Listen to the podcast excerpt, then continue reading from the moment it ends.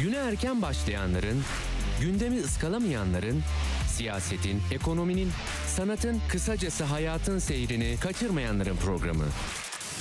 Ali Çağatay'la Seyir Hali hafta içi her sabah 7'den 9'a Radyo Sputnik'te. Ali Çağatay'la Seyir Hali başlıyor.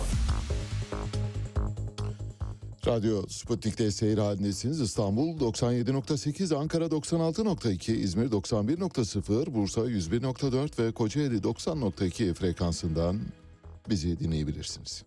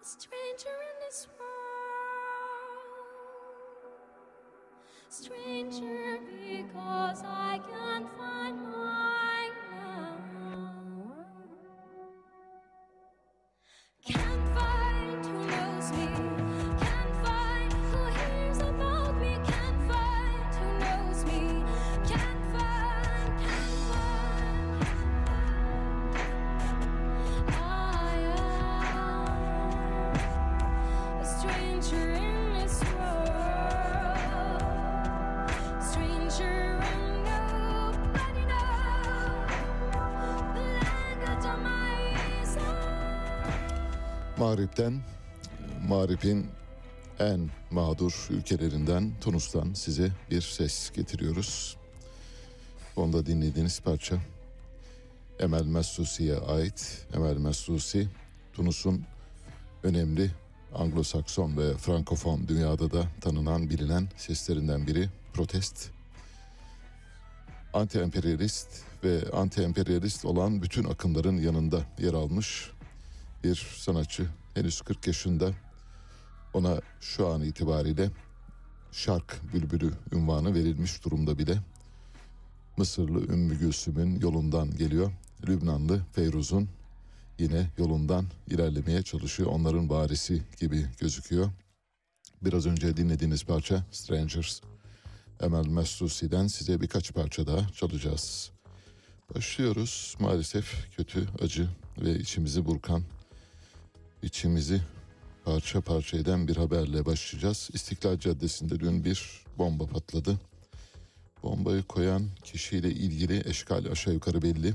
Bir genç kız ve yaklaşık yarım saat hatta daha fazla bir bankın üzerinde oturduktan sonra ansızın kalkıp elindeki çantayı bir yere bırakarak kalabalığın ortasına bırakarak oradan hızla uzaklaşan bir kapüşonlu ve bu yüzden de henüz kimliği ta- tanımlanamamış bir zanlıdan bahsediyoruz.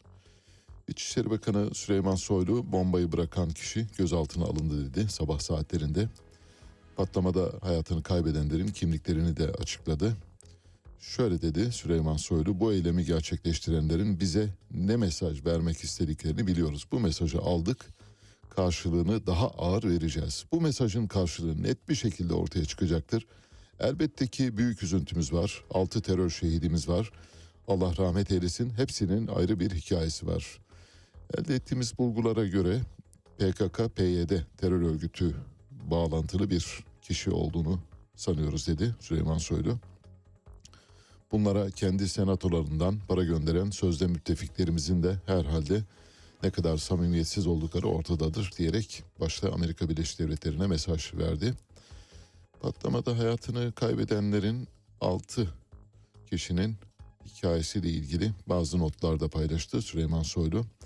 Mesela Arzu Özsoy İstanbul 1984 doğumlu ve Arzu Özsoy'un kızı küçük bir kız Yağmur Uçar Ereğli 2007 doğumlu. Yusuf Meydan Palu 1988 doğumlu. Ecrin Meydan Seyhan 2013 doğumlu. Adem Topkara Gümüşhane 1982 doğumlu.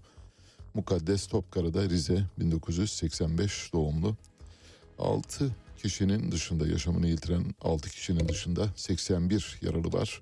81 yaralının 50'si hastanelerden taburcu oldu. 2 yaralının durumu ağır.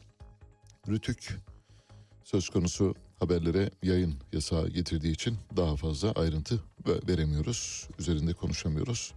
Ayrıca BTK Bilgi Teknolojileri Kurulu da bir yayın daraltma, internet frekans daraltma yoluna giderek interneti bir süre için kullanılamaz hale getirdiler. İnternet daraltımı bildiğiniz gibi 10 şeritli bir otoyol düşünün. 10 şeritli otoyolun birdenbire tek şeride düşürüldüğünü ve o tek şeridinde ayrıca trafik kontrolüyle ayrıca durdurulduğunu düşünün. Dolayısıyla sıfıra yakın bir bilgi akışı oldu. Bu sıfıra yakın bilgi akışı elbette bir takım dezenformatif bilgilerin yayılmasını da engelledi. Bugün itibariyle söyleyeceklerimiz bundan ibaret. Bundan sonraki günlerde bu meselenin üzerinde duracağız. Neler olup bittiğini anlamaya çalışacağız. Üzüntümüz sonsuz. Bir spor haberi var. Başarı hanemize yazabileceğimiz bir spor haberi. Dünya 3 band bilardo şampiyonasında milli sporcumuz Tayfun Taşdemir altın madalya kazandı. Güney Kore'nin Dongku kentinde düzenlenen şampiyonanın finalinde Tayfun İspanyol rakibi Ruben Legapsi ile karşılaştı. Rakibini 50-14 yenen Tayfun Taşdemir dünya şampiyonu oldu böylece. Bu başarıyla birlikte Türkiye 19 yıl aradan sonra bilardoda bir dünya şampiyonluğunu getirmişti. Bilardo'nun kralı bildiğiniz gibi Semih Saygıner'de büyük bir virtüöz. Hala gösteriler yapıyor. Hala eski formunda olmasa da iyi işler çıkarabiliyor. Yine spordan bir başarı ama bu defa uluslararası bir başarıdan bahsediyoruz. F1 Brezilya Grand Prix'si dün koşuldu ve F1 Brezilya Grand Prix'sini George Russell kazandı. Büyük Britanyalı George Russell. Sezonun 21. mücadelesiydi bu. Brezilya'nın Sao Paulo kentinde 4.3 kilometrelik İspanyol Jose Carlos Pace pistinde 71 tur üzerinden yapıldı. Brezilya Grand Prix'sinde 1.38-34'lük derecesiyle zafere ulaştı George Russell ve kariyerindeki ilk Formula 1 birinciliğini kazandı. Böylece Mercedes'e de 2022'nin ilk zaferini getirmiş oldu. Mercedes adına yarışıyor kendisi. Liderin hemen arkasından George Russell'ın arkasından 1.5 saniye gerisinde Mercedes'ten Büyük Britanyalı Lewis Hamilton vardı. İkinci oldu. 4.05 saniye ile Ferrari pilotu Carlos Sainz geldi. O da üçüncü oldu. Bildiğiniz gibi Lewis Hamilton aynı zamanda bir Brezilya'nın fahri vatandaşı.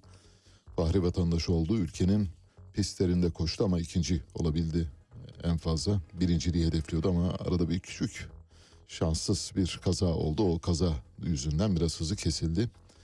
Pilotlar klasmanında şampiyonluğu daha önce garantileyen Red Bull sürücüsü Hollandalı Max Verstappen Lewis Hamilton'la çarpıştığı için ceza aldı ve yarışı 6. sırada tamamladı. Sözünü ettiğimiz kaza buydu.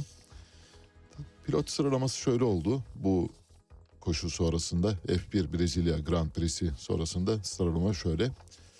Max Verstappen Hollandalı 429 puanla birinci sırada. Charles Leclerc Monakolu 290 puanla ikinci.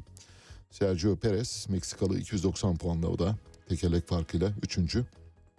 Öyle demek lazım. George Russell işte dünkü şampiyon Büyük Britanyalı 265 puanla dördüncü sıraya yükseldi. Lewis Hamilton Büyük Britanya'dan o da 240 puanla 5. sırada Lewis Hamilton şu anda büyük bir form düşüşü yaşıyor. Takım sıralaması da şöyle dünyada Red Bull 719 puanla birinci sırada Ferrari 524 ile ikinci sırada Mercedes 505 ile üçüncü sırada Alpine takımı 167 ile dördüncü sırada McLaren ise 148 ile beşinci sırada bildiğiniz gibi ilk üçten sonra yarış kopuyor. İlk üçten sonra birdenbire çift haneye doğru giden bir şey var, skor var. Çift hane dememek lazım ama işte 100 ve 100'ün biraz üzerinde. Oysa 3. sıradaki Mercedes'in puanı şu anda 505, Red Bull'un da 719. Böylece bu haberi de vermiş olduk. Selahattin Demirtaş bildiğiniz gibi Edirne cezaevinde tutuklu uzunca bir süredir tutuklu olarak bulunuyor. Neden bulunduğunu ya da suçlamaların niteliğinin günübirlik olarak değişmesine rağmen neden tutuklandığını kimsenin tarif edemediği bir durumla karşı karşıya. Bu arada bendenize ait geçen hafta Cuma günü paylaştım, Perşembe günü paylaştım haberi. Sizinle tekrar bir kez daha üzerinden geçerek paylaşmak isterim. İzmir Büyükşehir Belediye Başkanı Tunç Soyer hakkında İzmir Cumhuriyet Başsavcılığı tarafından süt alımı ile ilgili bir ihalede usulsüzlük yapıldığı iddiasıyla bir soruşturma başlatıldı. Soruşturmada üzerinde durulan husus şu. Tunç Soyer'in eşi Neptün Soyer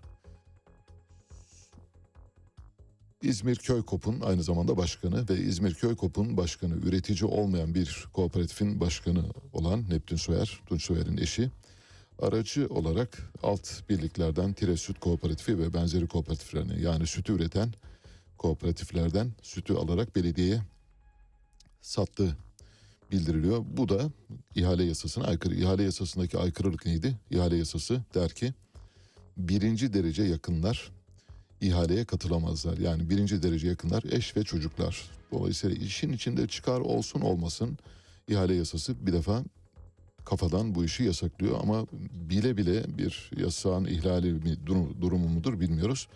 Bu haber epey tartışıldı. Şu anda Twitter'da bulunan son e, tweetlerimden biridir.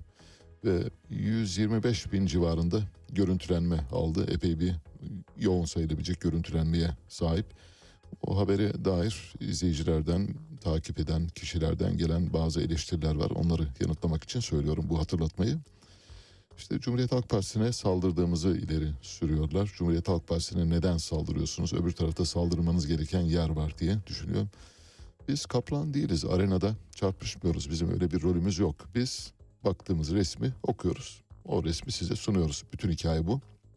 Ha derseniz ki saldırılması gereken yer var ama öbür taraf yani saldırılması gereken yer diğer cephe dediğimiz oradaki çürümüşlük, kokuşmuşluk, dekadans o kadar has safhada ki orada artık söyleyecek laf yok. Yani biz oraya yeni bir şey söyleyecek durumda değiliz. O kadar büyük bir çürümenin içinde bari bu tarafta sağlam bir uzuv varsa onları koruyalım diye yapıyoruz. Yoksa Cumhuriyet Halk Partisi'ne karşı bir tavrımız yok. AK Parti'ye karşı da bir tavrımız yok. Sadece çürümeye, kokuşmuşluğa karşı bir şekilde uyarıda bulunmaya çalışıyoruz. Biz bir işaretçiyiz, bir e, tebliğ ediyoruz bu tür şeyleri. Başka bir görevimiz yok, başka bir hedefimiz ve maksadımız, amacımız da yok. Gizli bir planımız hiç yok zaten. Böyle takım tutar gibi parti tutmanın zaten ülkeye hiçbir faydası olmadığını söyleyebiliriz. Takım tutar gibi parti tutmak ülkeleri yoksulluğa sürüklüyor. Örneğin dünyanın en büyük petrol ve doğalgaz üreticisi olan İran'ın 82 milyon nüfuslu İran'ın acaba yoksulluk çekmesinin altında ne yatıyor derseniz bu yatıyor. İran gibi bir ülkenin dünyanın en büyük petrol ve doğalgaz yataklarından birine sahip ve büyük bir tarihe sahip olan bir ülkesi yoksulluktan kırılıyor. Yoksulluktan kırılan büyük bir kitle var. Halkın yaklaşık yüzde yetmişi derin bir yoksulluk içinde yaşıyor. Halkın derin yoksulluk içinde yaşamasını gerektirecek bir durum yok. Eğer devletin, ülkenin kaynakları doğru dağıtılmış olsa İran'da, İran'da tek bir yoksul kalmaz. Ama kaynaklar doğru dağıtılmadığı için maalesef bu yüzden yoksulluk var. Türkiye'de kaynakları doğru dağıtılmış olsa, adil, dürüst dağıtılmış olsa tek bir yoksulun kalmayacağı bir ülke kaynaklar başkaları tarafından çarçur ediliyor. İşte bu yüzden bu tür haberleri biraz önemsiyoruz. Biraz yoğun ve yaygın yer vermeye çalışıyoruz. Hiç kimseden yana değiliz. Hiç kimsenin karşısında da değiliz. Bunu net biçimde söylüyoruz. Hani şöyle demek lazım. Charles Bukowski'nin şu anda elimde bir kitabı var. Oradan da küçük bir alıntı olarak söyleyeyim. Bukowski Sıcak Su Müziği diye bir küçük öykülerden oluşan bir kitabı. Bu çok kolay okunuyor. Tavsiye ederim. Zaten Bukowski okumayanlara mutlaka Bukowski okumalarını en azından bir kitap okumalarını tavsiye ederim. Bukowski biraz böyle hayta, biraz serseri. Gerçekten olağanüstü, kural dışı bir adam.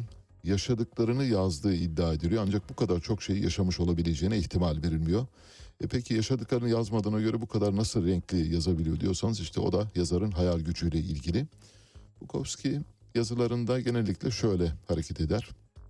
Bir insanın böyle sessizce kendi kendine düşündüğü zaman kelimeleri, kavramları ya da nitelemeleri nasıl böyle açık açık hani yakası açık, bağrı açık, müstehcen biçimde dile getirirse onları aynen kitabına koyuyor. Aynen hiçbir kelimeyi, hiçbir e, kavramı, hiçbir e, simgeyi örtmüyor. Sembollerle, simgelerle, imgelerle konuşmuyor. Açık açık yazıyor. Her şeyin adını koyuyor.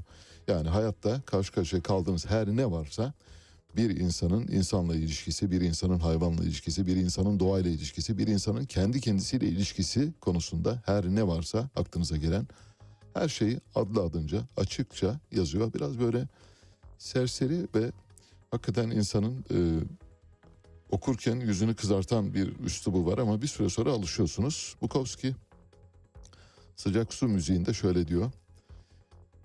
Normal şartlarda insanlar kokmazlar diyor. İnsanlar hastalandıkları zaman korkarlar, kokarlar. Bir de ölmeye yaklaştıkları zaman kokarlar. Öldükleri zaman zaten çürüme kokusudur o. Zaten doğal olarak kokarlar. Şimdi Türkiye'deki siyasetin kokuşmuşluğu aslında ölmeye yüz tuttuğunu gösteriyor. Eğer siyasette bir koku varsa, kötü koku varsa bu kokunun ölmeye yüz tutmamızdan kaynaklandığını söylemek istiyorum. Bunu hatırlatmak için bu kadar e, üzerinde durduk. Dolayısıyla Cumhuriyet Halk Partisi'ne yönelik en ufak bir şeyimiz yok. Ancak öbür tarafta çok büyük çürüme, çok büyük kokuşma olduğu için öbür tarafta bir şey söylememize imkan yok. Gerek yok zaten. Bunları söylemenin anlamı da yok. Şimdi öbür taraftan bir kokuşma hikayesi getireceğim size. Bu taraf öbür taraf derken kendimizi bir tarafa koyarak söylemiyoruz. Sakın öyle düşünmeyin. Sadece hani madem böyle bir tanımlama yapılıyor o zaman bu taraf ve öbür taraf diye bir şey var ya da şu taraf bu taraf diye bir şey var. O taraf bu taraf diye bir şey var. Bu taraflardan birinden bahsediyoruz. Eski Adalet Bakanlarından Sadullah Ergin, Selahattin Demirtaş'ın Edirne cezaevinden çıkarılıp Diyarbakır'da bulunan babasının yanına, babasının rahatsızlığı dolayısıyla babasının yanına götürülmesini farklı bir bakış açısıyla yorumladı. Bildiğiniz gibi Selahattin Demirtaş Edirne cezaevinden önce helikopterle alınıyor. Belli bir bölgeye getiriliyor. Oradan da bir özel jetle Diyarbakır'a götürülüyor. Babasıyla yaklaşık bir saat kadar görüştükten sonra yine aynı rota ve aynı ulaşım araçları kullanılarak geri dönüyor. Yine özel jetle dönüyor ve be- belli bir yerden sonra da özel jetin gidemediği yerde de helikopterle cezaevine konuluyor. Adalet Bakanı, eski Adalet Bakanı Sadullah Ergin şu anda bildiğiniz gibi Deva Partisi'nde siyaset yapıyor Ali Babacan'la birlikte. Şöyle dedi. Sağlık Kurulu raporuyla belgelendirilmesi şartıyla ana, baba, eş, kardeş, çocuk ile eşin anne ve babasından birinin yaşamsal tehlike oluşturacak önemli ağır hastalık hallerinin bulunması nedeniyle bunlardan her biri için toplam iki defaya mahsus olmak üzere hasta ziyareti amacıyla izin verileceği belirtiliyor. Yani diyor ki bu ziyarette bir anormal durum var. Bu biraz Adalet Bakanlığı'nı aşar diyor. Şimdi tabii Adalet Bakanlığı'nı neyin aştığını neyin aşmadığını bilmiyoruz. İnsan hakları savunucusu Mücella Yapıcı'nın hastanede dişçi koltuğunda elleri kelepçeli dişlerinin çekildiği bir ülkeden bahsediyoruz. Tutuklu ve hükümlü haklarına saygının ya da onlara onların haklarına e, ilişkin kaygıların sıfır olduğu bir ülkeden bahsediyoruz. Ancak bu konuda konuşması gereken birileri varsa bu elbette Sadullah Ergin değil ya da Sadullah Ergin'in konuşmaması lazım. Bu meseleyi yorumlarken kendisi bildiğiniz gibi Türk siyasi literatürüne bir kavram hediye etmiştir Sadullah Ergin. Hatay Milletvekili ve Adalet Bakanlığı yaptı uzunca bir dönem. 2011-2013'te bir kez, 2009-2011'de de bir kez olmak üzere geçici dönemleri itibariyle. Sadullah Ergin Türk siyasetine Ali Dibo diye bir kavrama hediye etti. Ali Dibo bir ihaleyi sınırsız biçimde herhangi bir kurala uymaksızın eş, dost, akraba ve yakınlarınıza vermenin adıdır Türk siyasetinde Ali Dibo. Ali Dibocu şimdi hukuk konusunda ders vermeye çalışıyor. Bu bakımdan Ali Dibocu'nun verdiği dersin aslında yersiz olduğunu söylemek istiyoruz şu anda. Ali Dibo skandalı neydi diye merak ederseniz şöyleydi. Bildiğiniz gibi kendisi Hatay'da yapılacak ihalelere, kamu ihalelerine partililere verilmesi yönünde bir talimat yazdı. Bu talimatta bir yerde faş edildi, açığa çıktı. Hatay'daki 271 adet kamu ihalesinin tamamının 17 AK Partili yerel yönetici tarafından kazanılmasını sağladığı ortaya çıktı. İşte buna Ali Dibo skandalı deniyoruz. Kamu ihale kanununa tabi ihaleler arasında 140'ı mal alımı, 35'i hizmet alımı, 15'i yapım işi olan toplam 190 ihale ile ilgili kamu ihale kurumu sonradan soruşturma başlattı ve ihalelerin tümünün mevzuata aykırı olduğunu belirtti. Evet yani Selahattin Demirtaş konusunda konuşması gereken pek çok kimse var. Bu Ali Dibo olamaz. Ankara Cumhuriyet Başsavcılığınca yürütülen bir soruşturma çerçevesinde jandarma okulları sınavını aday numarası kodlama yöntemiyle usulsüz şekilde kazanan 7004 FETÖ şüphelisi tespit edildi. Ne zaman? 2012'de başlamış.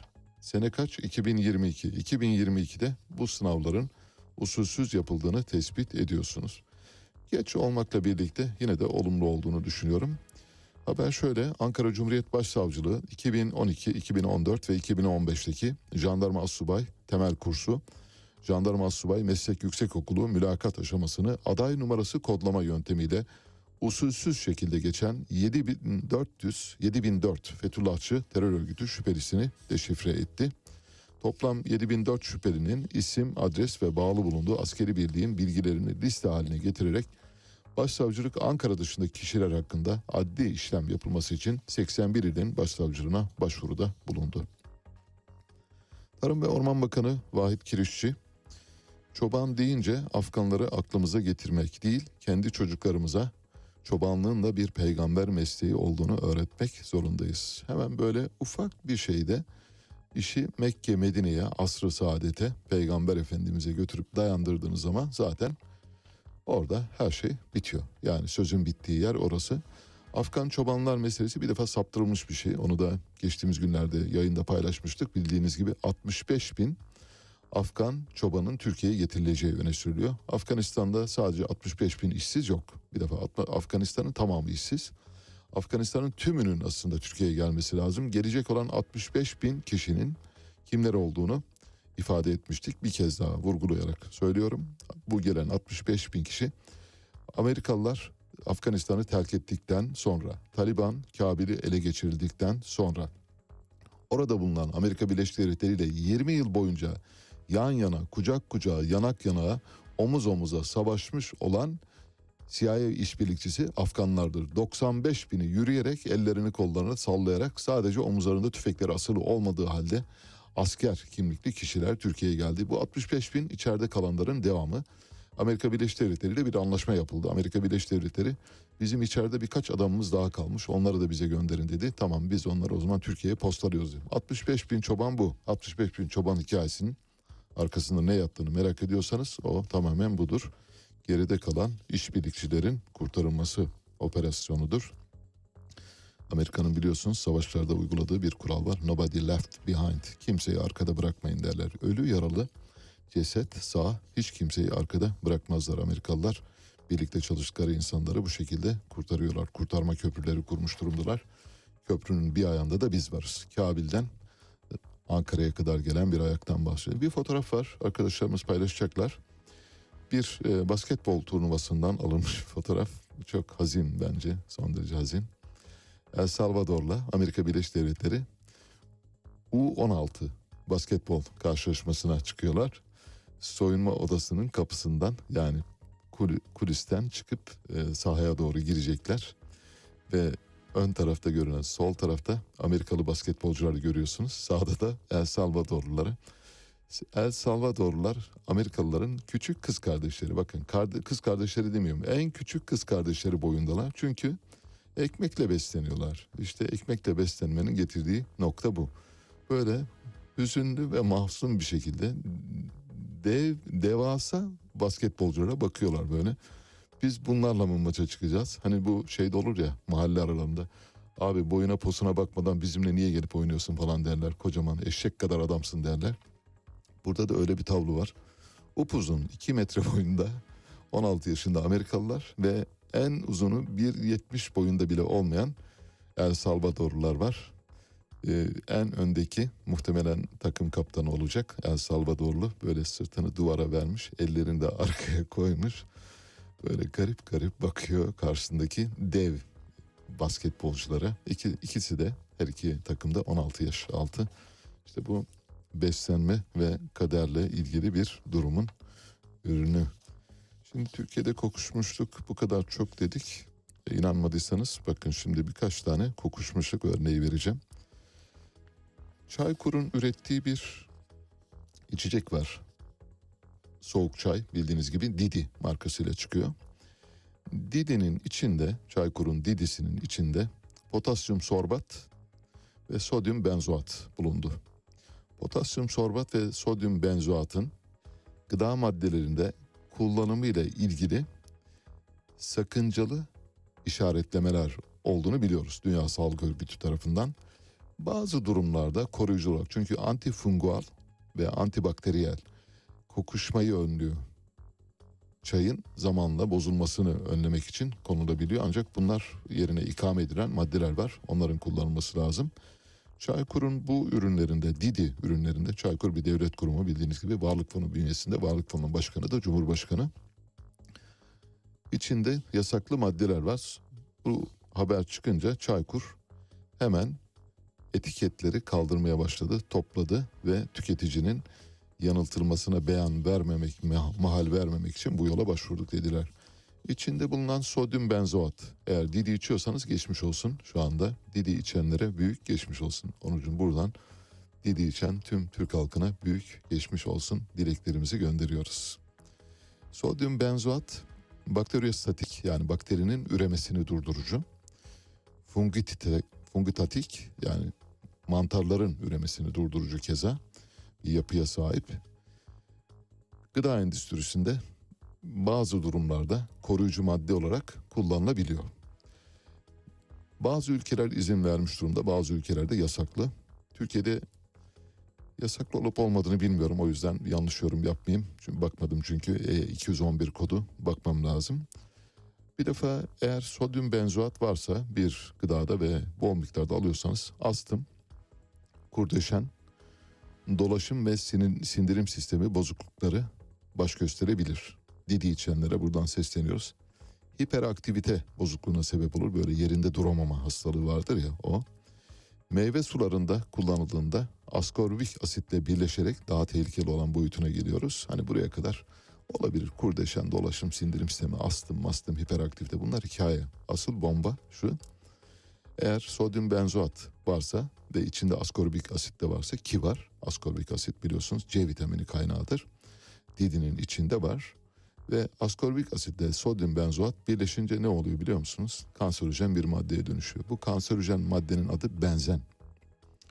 Benzene maruz kalan insanların santral sinir sistemi, merkezi sinir sistemi yani beyin, beyincik, omurilik semptomları ortaya çıkıyor. Uzun süreli benzen maruziyeti kemik iliği ve kan üretimini olumsuz etkiliyor. Yani kan kanserinin lösemiye yol açıyor. Ayrıca kronik benzen maruziyetiyle genotoksik, immünolojik ve ürogenital olumsuz etkilenmeler de olabiliyor. Yani immün sistemi baskılıyor ve bağışıklığı azaltıyor. Gen sisteminin yapısını bozuyor. Gen karakterlerinin değişmesini ortaya çıkaran bir durumdan bahsediyoruz. Didi içenlere buradan selam olsun. Sayıştay AK Partili Trabzon Büyükşehir Belediyesi'nin dere yatağına otogar inşa etme ihalesini bir şirkete başka şirketlerin ihaleye girmesini engelleyici hükümler koyarak bu şirketin sahte belgesini kabul ederek verdiğini tespit etti. Bir kez daha Türkçe'ye çevirerek söyleyeyim. Ortada bir belediye var. Trabzon Belediyesi AK Partili. Bir ihale verecek. İhaleyi de üstelik dere yatağında inşaat izni verdiği bir ihale. Yani orada vermemesi gereken bir yere inşaat izni veriyor. Bu bir hata onu geçtik. Otogar yapılacak onu da geçtik. İhaleyi bir şirkete verecek fakat diğer şirketlerin bu ihaleye girmesini engelleyici bir şartname yazıyor. Adrese teslim bir şartnameden bahsediyoruz. Adrese teslim. Ali Bey'in firmasına vereceğim demiyor sadece adını koymuyor. Ali Bey'in firması geliyor ve tek başına alıyor böylece. Şimdi bunun adı nedir? Biraz önce bahsettik ya hani dediler ya neden Tunç Soyer'e ve Cumhuriyet Halk Partisi'ne yükleniyorsunuz? Öyle bir şey yok. Öyle bir şey yapmıyoruz. Bu tarafta kokuşmuşluk, çürümüşlük o kadar fazla ki bahsetmeye değer bulmuyoruz. Mesela şu ihale normal şartlarda bu belediye başkanını götürmesi lazım. Ama belediye başkanı iftiharla görevinde durabiliyor. O sebeple çaresizliğimizdir bizim üzerinde durmak istediğimiz çaresizliğimizdir. Sonra ikinci kez açılan ihalede yüzde 60 bedelle bir başka şirkete verildi. Yani aynı şirkete bir kez veriliyor sonra bir kez daha veriliyor. OECD Ekonomik İşbirliği ve Kalkınma Teşkilatı bizi rüşvet konusunda uyarıyor. Birçok ülke uyarıyor ama bizi en fazla uyarıyor. 38 ülke var bildiğiniz gibi. Türkiye OECD'nin aynı zamanda kurucu ülkelerinden bir tanesi. Kurucu babasıyız. OECD'nin bir rüşvet çalışma grubu var. Türkiye ile ilgili çok sert eleştiriler içeren bir bildiri yayımladı birkaç gün önce.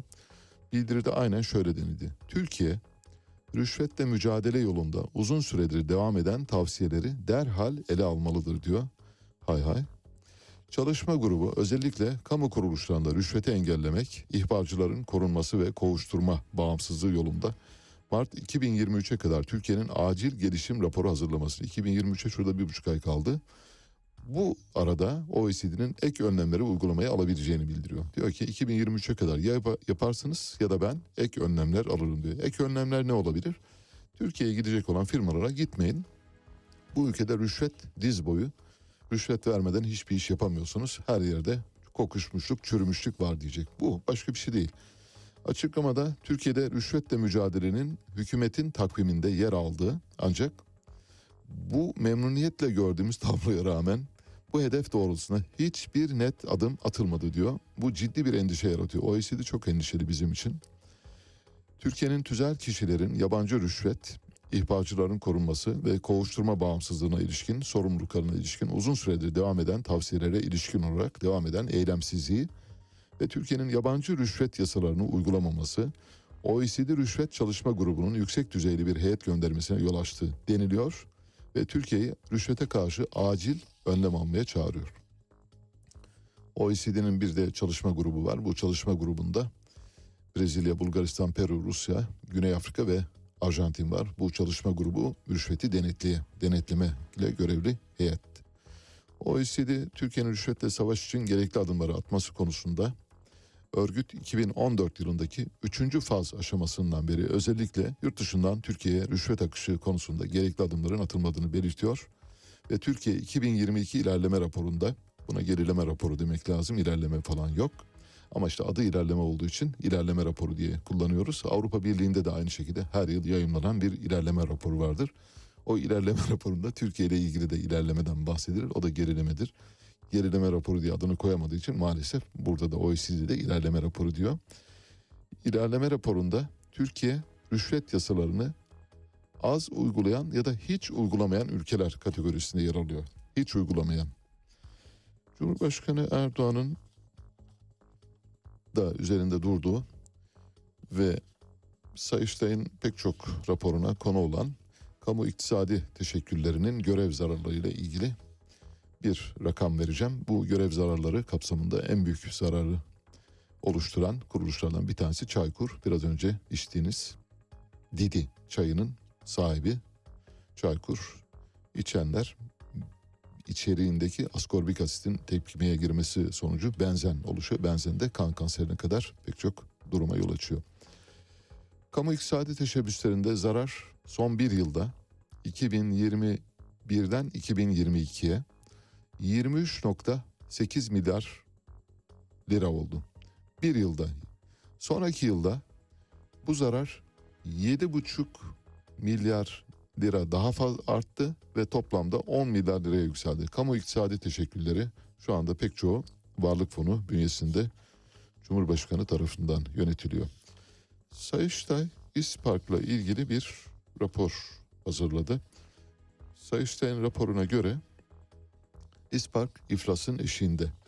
Bendeniz bu konuyu birkaç kez gündeme getirdim hatırlarsanız. Mesela zarar e, neden zarar ettiğini anlayamadığım iki kurum var Türkiye'de. Hepsinin hiçbirinin neden zarar ettiğini anlamakta zorlanıyorum. Yani hepsinin aynı şekilde olduğunu düşünüyorum ama iki kurumla ilgili özel özel olarak hayreti mucip durum var. Bunun bir tanesi Çaykur biraz önce gördünüz zarar üzerine zarar yazıyor. Öteki de İspark. Mesela İspark'ın neden zarar ettiğini anlamakta hala zorlanıyorum. İspark Allah'ın toprağını, Allah'ın sokak aralarını, caddelerini, meydanlarını, boş alanlarını belediye, belediyeye ait olan kullanılabilir kullanılamaz. Bu arada kaldırımları işgal pahasına tahsis edilmiş otoparklardan oluşan bir alan. Her otoparkın başında da bir kişi çalışıyor. O bir kişiye de muhtemelen asgari ücretten biraz fazla para veriyorsunuz. Hadi diyelim hadi çok iyi para veriyorsanız 10 bin lira veriyorsunuz. Toplayın, çarpın, bölün, İspark'ın gelirlerini bir yana getirin. İspark'ın zarar etmesine imkan ve ihtimal yok. Peki nasıl ediyor? Bilmiyoruz. Sayıştay şöyle diyor. İstanbul Büyükşehir Belediyesi'ne bağlı İspark'ın geçen yıl 21 milyon 724 bin lira zarar ettiğini belirtiyor. Bu zararın önemli ölçüde pandemi döneminde yavaşlayan e, akışa bağlı olduğunu ifade ediyor. Bunu biz de kabul ediyoruz doğru ama pandemi biteli yıllar oldu değil mi? Pandemi bitmedi mi Onucuğum? Maskeleri çıkardık, aşıları yaptık. Sağda solda e, konuşuluyor artık yani bundan sonra e, virüs bize gelmez ve dokunamaz diyoruz. Ne diyordu Oytun, Oytun Erbaş? Ünlü büyük e, alim, e, doçent doktor Oytun Erbaş. Covid-19 virüsü Türk genetiğine karşı zayıf. Yani Türk genetiği Covid-19'a karşı dirençli demişti. Bize gelmez demişti. Bize bir şey olmaz abi. BBA o. Bize bir şey olmaz abi yaklaşımını sergileyen doçentler var. Tıp doktoru, doçentlerden bahsediyoruz. Dolayısıyla aslında pandemi dönemi bittiğine göre artık İspark'ın tekrar karlı hale geçmesi lazım. İşte pandemiye yaslayarak zararı bir şekilde rasyonalize etmeye çalışıyor. Sayıştay'ın raporunda şöyle deniyor. Türk Ticaret Kanunu'na atıf yapılıyor. Şirketin aktif toplam borcunu karşılamaya yetmiyor diyor. İspark'ın bütün varlığı şirketin aktif toplamını karşılamaya yetmiyor. E zaten İspark'ın aktif toplamında bir şey yok ki. Birkaç tane İspark görevlisi var. Birkaç tane de kendine ait alan var. Gerisi sokak, cadde kendine ait değil. İspark'ın bir mal varlığı yok. Olmayan mal varlığı zaten borcunu karşılamaz. Bu gereksiz. Yani Sayıştay orada biraz hani böyle mefhumu muhaliften gelerek bir şeyde bulunmuş. İspark'ın neden zarar ettiğini anlayan bir adım beri gelsin. İmar barışının gelmesini bekliyoruz. Yeni bir imar barışı çıkacak. Bir fotoğraf göstereceğim şimdi size. Bu fotoğraf Muğla, Bodrum, Marmaris, Kuşadası, Finike, Fethiye, Alanya ve dahi pek çok yerde bu fotoğrafları göreceksiniz. Eğer bir drone uçurursanız bu fotoğraflardan çok göreceksiniz. Fotoğraf ne? Ormanın ortasında. Bir tane sundurma yapılmış. Daha doğrusu çatıları olan, çatısı olan, yukarıdan baktığınızda konut gibi gözüken ama aşağı indiğinizde dört tane direğin ucuna tutturulmuş bir çatıdan bahsediyoruz. Bunu neden yapıyorlar? Şunun için. Şimdi drone görüntüleriyle tespit ediliyor biliyorsunuz. İmar affı kapsamına giren yerlerin imar affı kapsamında olup olmadığını belediyeler ve yerel yönetimler ve bu arada Çevre Bakanlığı drone görüntüleriyle tespit ediyor. Google görüntüleriyle. Google görüntüsünden bakıyor. Diyelim ki imar affı 2019'un sonunda çıkmış.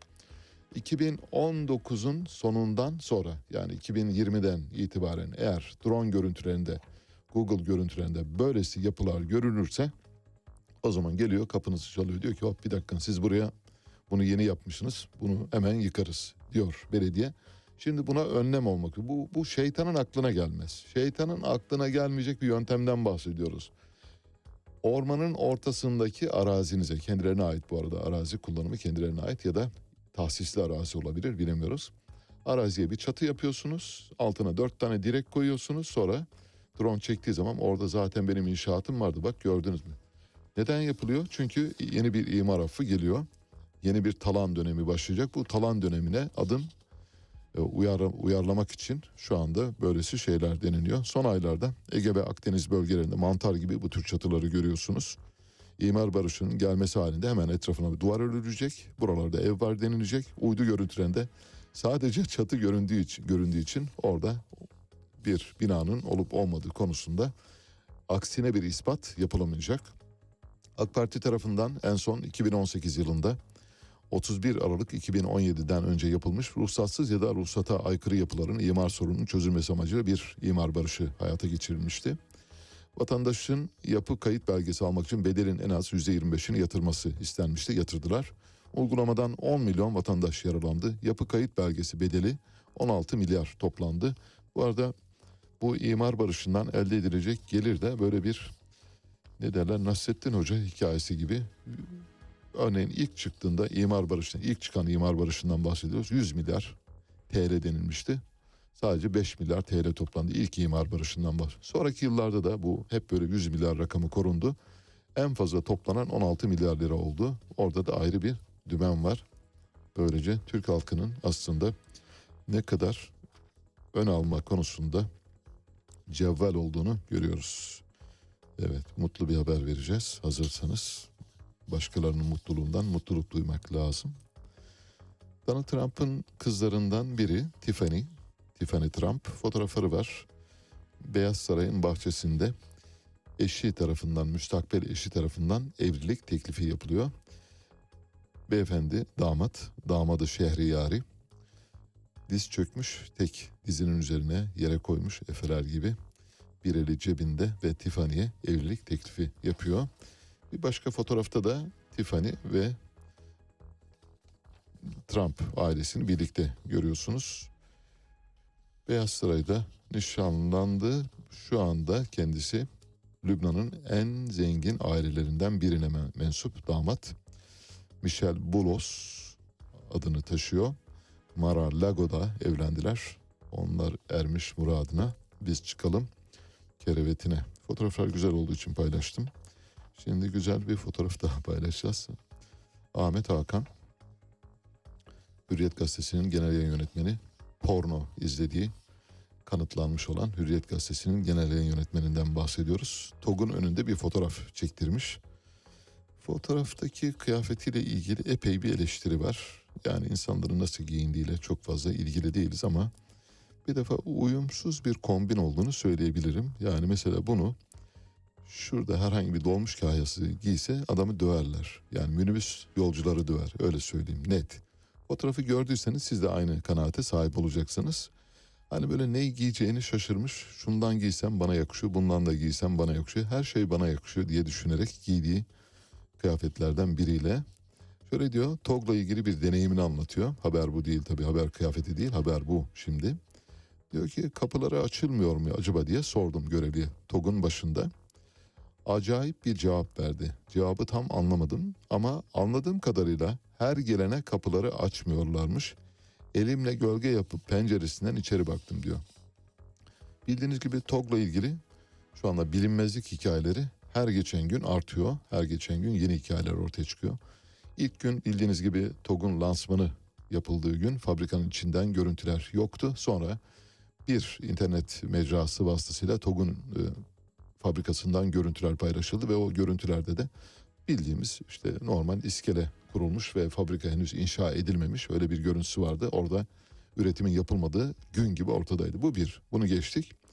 İkincisinde sonra başka görüntüler yayınlandı. Bu görüntülerin TOG fabrikasının içinden alınmadığını biliyoruz. Bunlar bir şekilde yayıldı. Eğer TOG fabrikasının içinde gerçek anlamda üretim bandı kurulmuş olsaydı şu anda A Haber'den Star'a bütün havuz medyası buna yatık medya diyorlar. Onu da dün öğrendim. Birazdan paylaşacağım. Yatık medya. Yatık medya muhtemelen bunu böyle bangır bangır günlerce mehter marşlarıyla yayımlardı. Böyle bir şey olmadı ortada. Demek ki TOG'da henüz üretim yok. Gelen araçların üzerleri branda kaplıydı geçtiğimiz günlerde. TOG arabaları diye sergi- sergilenen e, zaten şeyi de kapalı yani marka kısmı da kapalı ama brandalarını acaba fabrikadan çık- çıkan yeni araçlar brandayla mı kaplanıyor diye baktım. Vallahi Toyota'nın şurada Sakarya e, Ford Otosan'ın Kocaeli'ndeki fabrikalarının olduğu yerden geçin. Eğer mümkünse havadan drone'la da bir takip edin. Tek bir tane branda göremezsiniz. Neden brandalı? Çünkü saklamak istiyorlar. Neyini saklamak istiyorlar bilmiyoruz. Koskoca Ahmet Hakan'a kapısını açıp içeri gir şuraya bir otur dememişler. O da camdan bakmış. Demek ki TOG aslında bir şeylerin saklanmak istediği bir üretime dönüşüyor. Fatih Altaylı İstanbul Büyükşehir Belediye Başkanı Ekrem İmamoğlu bildiğiniz gibi TOG siparişi verdi 100 adet kullanmak üzere. TOG'dan şöyle bir açıklama yapıldı. Dediler ki siparişleri, ön siparişleri yalnızca Cumhurbaşkanı'nın talimatıyla alıyoruz. Yani Cumhurbaşkanı talimat verdiği takdirde ön sipariş alıyoruz. Hani otomobili satmak istiyordunuz, yerli otomobil, milli otomobilimiz diyorsunuz, satmak istiyorsunuz. Müşterisi var, satmıyorsunuz. Büyükşehir Belediyesi 100 tane almak istiyor, vermiyorsunuz. Ahmet Hakan e, içeri girip kapısını açıp içeri oturmak istiyor, göstermiyorsunuz. Yeni çıkan araçların üzerine branda örtüyorsunuz, saklıyorsunuz. Fabrikanın içinden tek bir kare görüntü yayınlamıyorsunuz ama ortada fabrika var ve otomobil var diyorsunuz. Bu hakikaten utanç verici bir durum. Ben böylesine bir cin fikirlik, böylesine bir Sülün Osman geleneğinin nerelerden neşet ettiğini bilmekte bir hayli zorlanıyoruz. Çok kısa bir haber daha vereceğim. Sonra saat 5'e haberlere gideceğiz. Doğu Perinçek Esad'ın davetlisi olarak Ethem Sancak'la Suriye'ye gideceğiz dedi. Ne zaman? Dün söyledi. Doğu Perinçek en son Ethem Sancak'la Ağustos ayında gideceklerini söylemişti. Bakın Ağustos, Eylül, Ekim, Kasım. Şimdi diyor ki Kasım ya da Aralık, Kasım bitiyor bu arada. Kasım ya da Aralık ayında randevu aldık. Beşar Esad'la görüşeceğiz diyor. Bir defa mesela Ethem Sancak kim? Niye gider? Ayrıca siz mesela neyi temsilen gidiyorsunuz? Yani Büyük Cumhur İttifakı'nın bir e, ciğerparesi olarak mı gidiyorsunuz? Hangi ünvanla gidiyorsunuz ve ne konuşacaksınız bunu bilmiyoruz. Ha Beşar Esad size böyle nezaketen bir randevu vermişse gidebilirsiniz. Bu bir yılan hikayesi. Yani Doğu Perinçek'in Suriye hikayesi. 4 aydır 5 aydır konuşuyoruz bir türlü olmadı. Şöyle diyor Ethem arkadaşımızda bir de böyle bir jargon var Ethem arkadaş. Bu soldan gelen biliyorsun eski kulağı kesikler var ya eski eski tüfekler. Paslı tüfekler onlar böyle Ethem arkadaş. Arkadaş bak falan diye konu böyle kahvehanelerde falan domino domino taşını böyle çat diye yere vururken arkadaş. Yani böyle bu Ethem arkadaş. Ethem arkadaşla önümüzdeki iki ay içinde Kasım veya Aralık ayında Suriye'ye gidiyoruz. Sayın Beşar Esad'ın davetlisi olarak o Suriyeliler de bizim kardeşlerimiz. Araya dikenli teller çekilmiş. Duvarlar yapılıyor. Yıkacağız o duvarları. O dikenli telleri kaldıracağız. Oradan tırlar geçsin. Tırlar. Ticaret gelsin. Ticaret gitsin. Burada üretilen mallar gitsin. Komşularımızla alışverişi tekrar canlandıracağız. Kendini kapıp koy vermiş. Evet. Peki saat 5 habere gidiyoruz. Emel Maslusi'den size parçalar seçtik. Kendisi Tunuslu bir protest müzisyen. Doğu'nun yeni şark bülbülü Ümmü Gülsüm'ün varisi Feyruz'un takipçisi şu anda dinlemekte olduğunuz parça Merlekit birazdan Mehtap Yeni Doğan saat 5 haberlerle karşınızda olacak.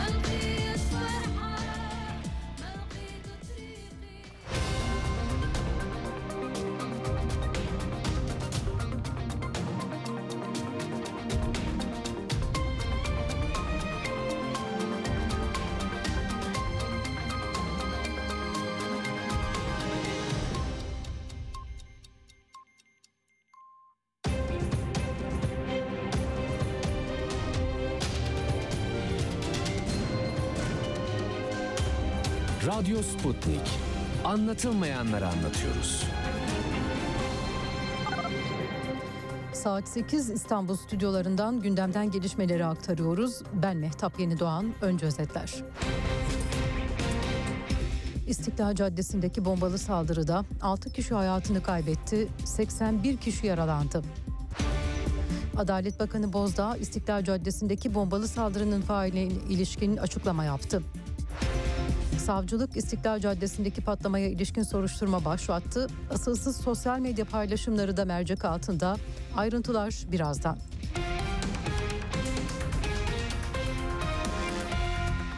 İstanbul'daki bombalı saldırı Türkiye'yi yasa boğdu. Olay dün saat 16.20 sıralarında Beyoğlu'ndaki İstiklal Caddesi'nde meydana geldi.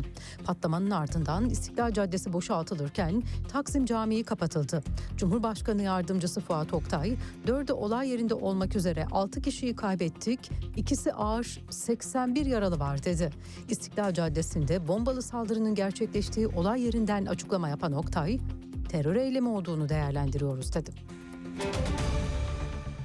terör eylemi olduğunu değerlendiriyoruz şu ana kadarki elde edilen bilgiler çerçevesinde. Bu olayların arkasında kim varsa, her kim varsa sonuna kadar sınırların içinde değil dünyanın öbür ucuna da gitse.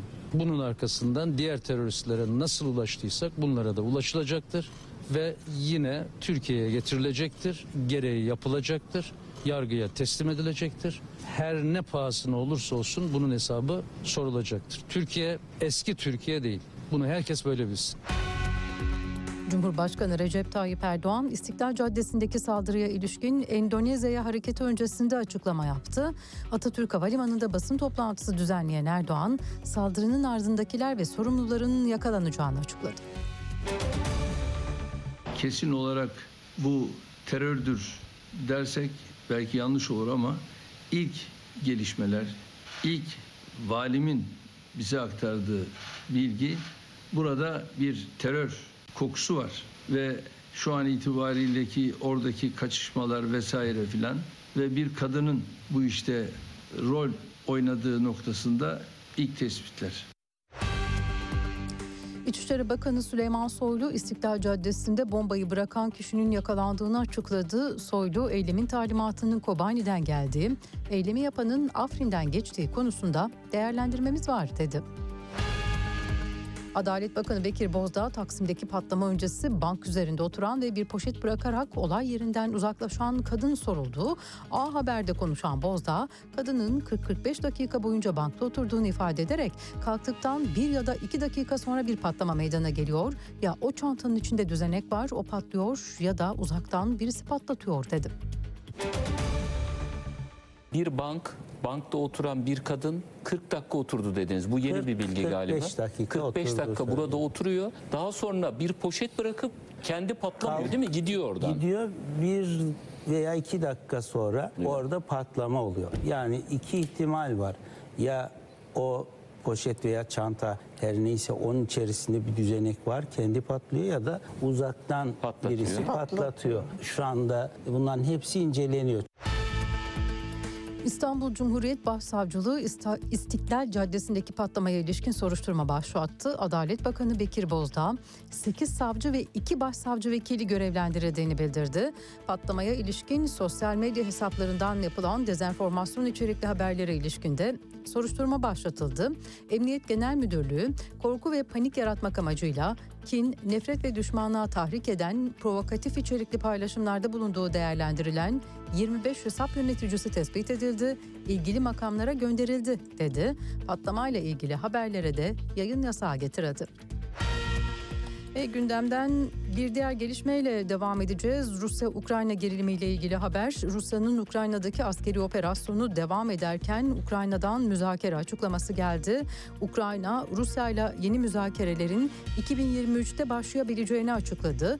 İlkbaharda yürütülen müzakerelerde Ukrayna heyetine başkanlık eden David Arahamiya, müzakerelerin hem Rusya'da hem de Amerika Birleşik Devletleri'nde seçim döngülerinin işlemeye başladığı zaman gerçekleşeceğini düşünüyorum dedi. Kiev ile Moskova arasındaki yeni müzakerelerin 2023'ün ikinci yarısında başlayabileceğini söyledi.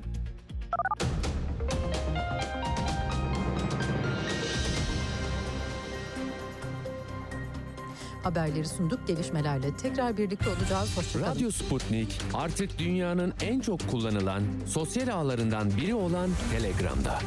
Hala kullanmıyorsanız önce Telegram uygulamasını mobil cihazınıza yükleyin. Ardından Radyo Sputnik'in Telegram kanalına katılın. Canlı yayınlarımızı ve programlarımızı kaçırmayın. Anlatılmayanları anlatıyoruz. Son dakika haberleri, canlı yayınlar, multimedya ve daha fazlası Sputnik Haber Ajansı'nın web sitesinde. Dünyanın küçük bir parçasını değil, tamamını anlamak istiyorsanız sputniknews.com.tr'yi tıklayın, habersiz kalmayın. Radyo Sputnik 5 merkezden karasal yayında. İstanbul 97.8, Ankara 96.2, İzmir 91, Bursa 101.4, Kocaeli 90.2. Karasal yayınlarımızın olmadığı yerlerde tr.sputniknews.com adresinden iOS ya da Android mobil cihazınızdan Sputnik News uygulamasını indirerek dinleyebilirsiniz. Radyo Sputnik. Anlatılmayanları anlatıyoruz. Artık siz de haberin öznesisiniz. Tanık olduklarınızı, yaşadığınız sorunları bildirin, sesinizi kaydedin, gönderin. Telegram, Twitter, Facebook, Instagram ve şimdi de WhatsApp'tayız. Kaydettiğiniz sesi WhatsApp'tan 0505 171 6656'ya gönderin, yayınlansın. Radyo Sputnik. Çok sesli haber radyosu. Güne erken başlayanların, gündemi ıskalamayanların, siyasetin, ekonominin, sanatın, kısacası hayatın seyrini kaçırmayanların programı. Ali Çağatay'la Seyir Hali hafta içi her sabah 7'den 9'a Radyo Sputnik'te. Evet, yeniden birlikteyiz. Birkaç haber vereceğiz. Bir de verdiğimiz sözler var. Onları tutacağız. Hazine ve Maliye Bakanı Nurettin Nebati'nin doktora tezini okuyacağız demiştik. Okuduk hafta sonu. Tabii satır satır değil, göz gezdirerek yani önemli yerlerini okuyarak size bir özet yapacağım. Hazine ve Maliye Bakanı'nın doktora tezini. Bu arada çok başarılı bulduğumu söyleyebilirim. Yani eğer kendisi yazdıysa gerçekten olağanüstü bir kaynakçası var. Dolayısıyla çok sayıda kaynaktan yararlanarak hazırlanmış. Özgün sayılabilecek. Başlığı belki biraz e, bugüne çağrışım yapması bakımından AK Parti'deki demokratikleşmeyi anlatan bir doktora tezi. Onu da konuşacağız. Joe Biden'dan yeni bir gaf geldi. Joe Biden bildiğiniz gibi Kamboçya'da ASEAN zirvesi sırasında Kamboç- Kamboçya ile Kolombiya'yı karıştırdı ve Kolombiya'da bulunmaktan dolayı çok mutluyum dedi. Joe Biden'ın bir oryantasyon sorunu var, bir e, kooperasyon sorunu var. Dolayısıyla dinlenmesi gerekiyor. Muhtemelen bir süre dinlendikten sonra tekrar eski sağlığına kavuşabilir diye düşünüyorum. Eğer yaşlanmaya bağlı bir yıpranma yoksa. Şöyle dedi ASEAN zirvesinde Phnom Penh'de yapılıyor bu arada Kamboçya'nın başkentinde. Bir gün size bir Kamboçya anlatacağım. Yani çok dramatik bir Kamboçya hikayesi var. Daha doğrusu benim özetleyebileceğim hikaye çok dramatik yönüyle baktığım bir hikaye. Size böyle dört başı mamur 32 kısım tekmili birden bir Kamboçya anlatacağım. Şöyle diyor, Kamboçya'da tekrar bir araya geldiğimize göre hala hazırda kaydettiğimizden daha güçlü ilerlemeler kaydetmeyi dört gözle bekliyorum. Kolombiya'nın ASEAN başkanlığındaki liderliği ve hepimizi ağırladığı için Başbakan'a teşekkür etmek istiyorum. Ayrıca Endonezya'nın bu yıl yaptığı tüm çalışmalarda yer alacağımızı onaylamak istiyorum. Bir cümle önce Kamboçya diyor, bir cümle sonra Kolombiya diyor. Dolayısıyla kısa zamanlı yani kısa zaman dilimine bağlı kelimeleri ve sözcükleri unutma hikayesi biraz Alzheimer'la doğrudan bağlantılı. Yani yakın dönemli hafızanızın kaybolması Alzheimer'la ilgili Alzheimer hastaları bildiğiniz gibi uzun geçmiş hatırlarlar ama 5 dakika önce ne yediklerini ya da nereye gittiklerini ya da nereye gitmeleri gerektiğini ne yapmaları gerektiğini hatırlamakta çok zorlanırlar.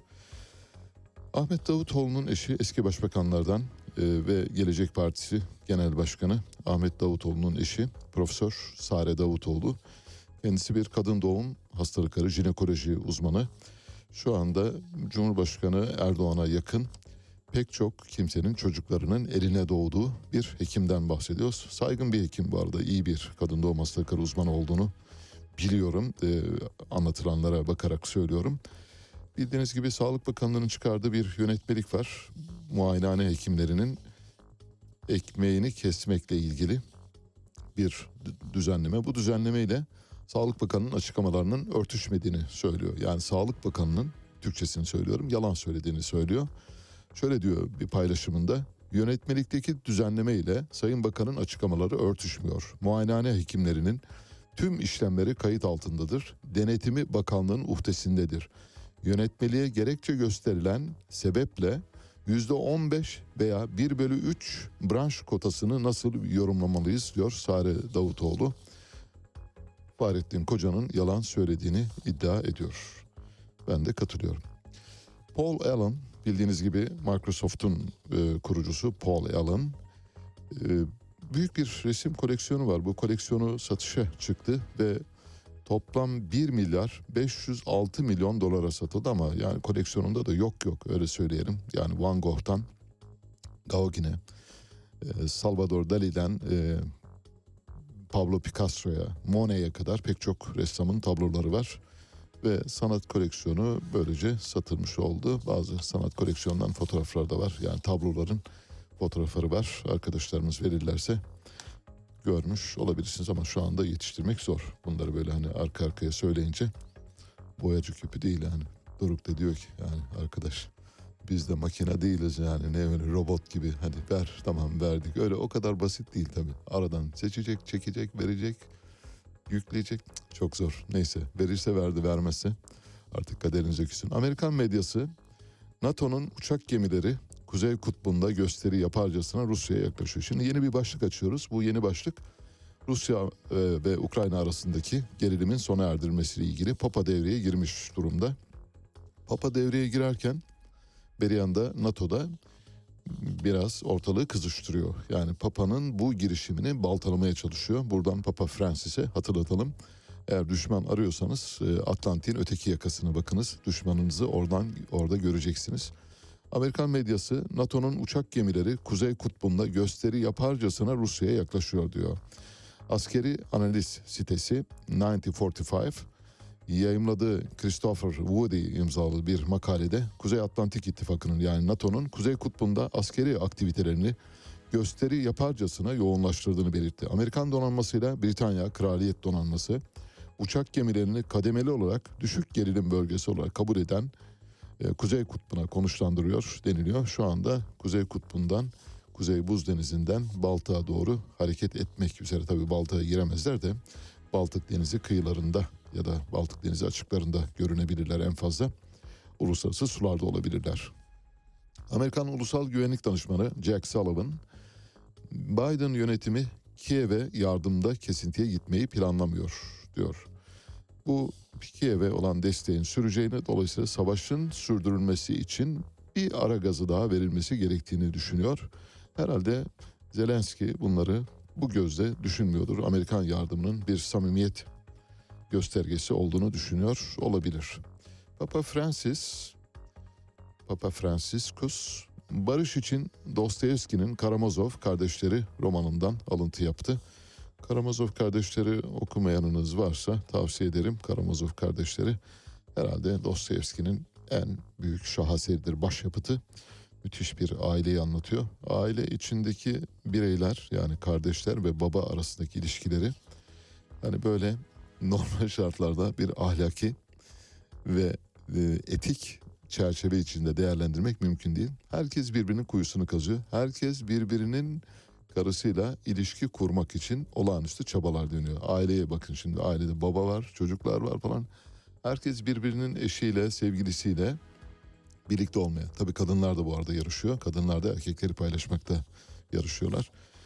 Dostoyevski'nin Karamazov kardeşlerinin Rus hümanizmi ile ilgili ipuçlarını barındırdığını söylüyor. Tabii elbette ben e, romanı biraz degrede ederek anlatmaya çalıştım. Tabii hikaye sadece kardeşlerin, babaların, babaların ve eşlerin arasında geçen seksüel hikayelerden ibaret değil. Olağanüstü bir anlatım var ayrıca. Yani Rus e, sosyal yaşamını çok iyi resmeden bir e, romandan bahsediyoruz. Yaklaşık 900 küsur sayfa.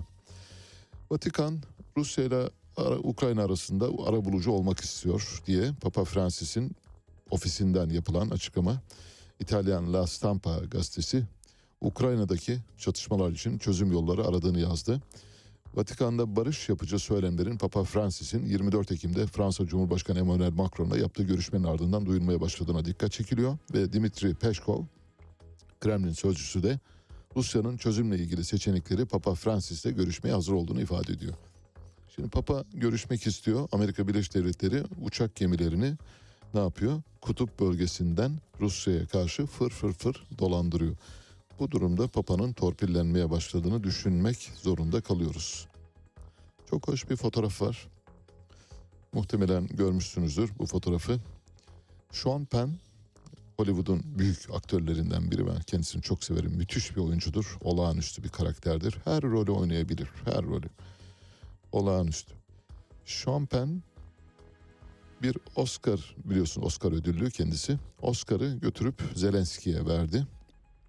Sean Penn'in Zelenski'ye yaptığı ziyareti biraz zorlama bir yorumla da olsa bir komplo teorisinin üzerine bindirmeye çalışacağım. Bildiğiniz gibi Sean Penn en son Bücür lakaplı El Chapo uyuşturucu kaçakçısı Amerikan cezaevlerinden bir kez, Meksika cezaevlerinden iki kez tünel kazarak kaçmış bir uyuşturucu kaçakçısından bahsediyoruz. Meksika'daki kazdığı tünellerden birinin uzunluğu bir buçuk kilometreydi. Bu bir buçuk kilometrelik tünelin içinde Dekovil rayları var. Isıtma sistemleri var, havalandırma sistemleri var, ışıklandırma var. Aklınıza gelebilecek yani bir tek şey yok. E, Metro istasyon görevlisi yok. Hani böyle kırmızı tabelayı kaldırıp indiren metro görevlisi yok. O kadar.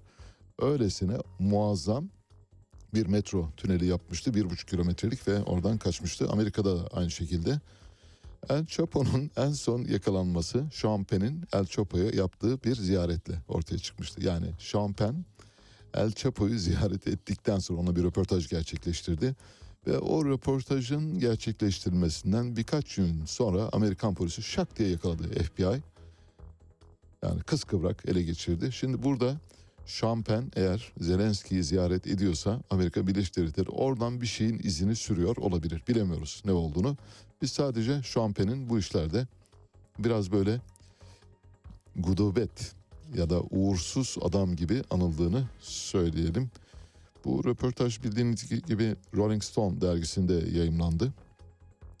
Tıpkı Abimael Guzman'ın yakalanması gibi Abimael Guzman'da da benzeri bir hikaye var. Guzman'ın hikayesinin anlatıldığı çok hoş bir film vardır ayrıca. Onu izlemenizi tavsiye ederim. Sean Penn kendisi Santa Monica doğumlu, Kaliforniyalı. 1960 doğumlu Dead Man Walking bir kült sinemadır ve izlemeyenler varsa tavsiye ederim Dead Man Walking'i izlesinler. Woody Allen'ın keza Sweet and Low Down adlı bir dramasında oynadı.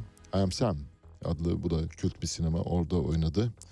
Buralarda kendini müthiş bir şekilde ayrıştırdı diğer sanatçılardan. George Bush yönetiminin karşıtı idi. Yani baba ve oğul Bush'a karşı daha doğrusu bütün e, Bush ailesine karşı Küba ve Venezuela devlet başkanlarını destekliyor. Her ikisiyle de dayanışma halindeydi. Hem Chavez döneminde hem bugün Maduro'yla hem e, Fidel Castro'yla hem bugünkü Luis Canal'la keza yakın ilişkiler içinde. Katrina kasırgası sonrası da insani yardım faaliyetleri dahil pek çok yardım faaliyetin içinde oldu. Kendisi aslında Rus kökenli bir kişi. Babası Rus, annesi İtalyan. Ancak Amerika'da doğmuş. Biraz böyle Ruslara hafif şaşı bakıyor. O yüzden de Zelenski ile daha ilişki kurmaya gayret ediyor. Zelenski'yi daha kendine yakın buluyor herhalde. 1996'da Robin Wright'la evlendi. Robin Wright'ı nereden hatırlıyorsunuz? Robin Wright canımız ciğerimiz. Dünya güzeli Robin Wright. Nerede? Robin Wright'ı nereden hatırlıyoruz?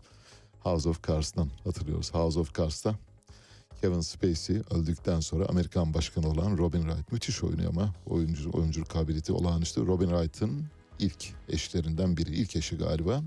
Sean Penn. Amerikan yönetiminin sert bir muhalifi. Üç kez Oscar adaylığı var. Dead Man Walking'de bir adaylığı var, kazanamadı. Sweet and Low Down'da bir adaylığı var, kazanamadı.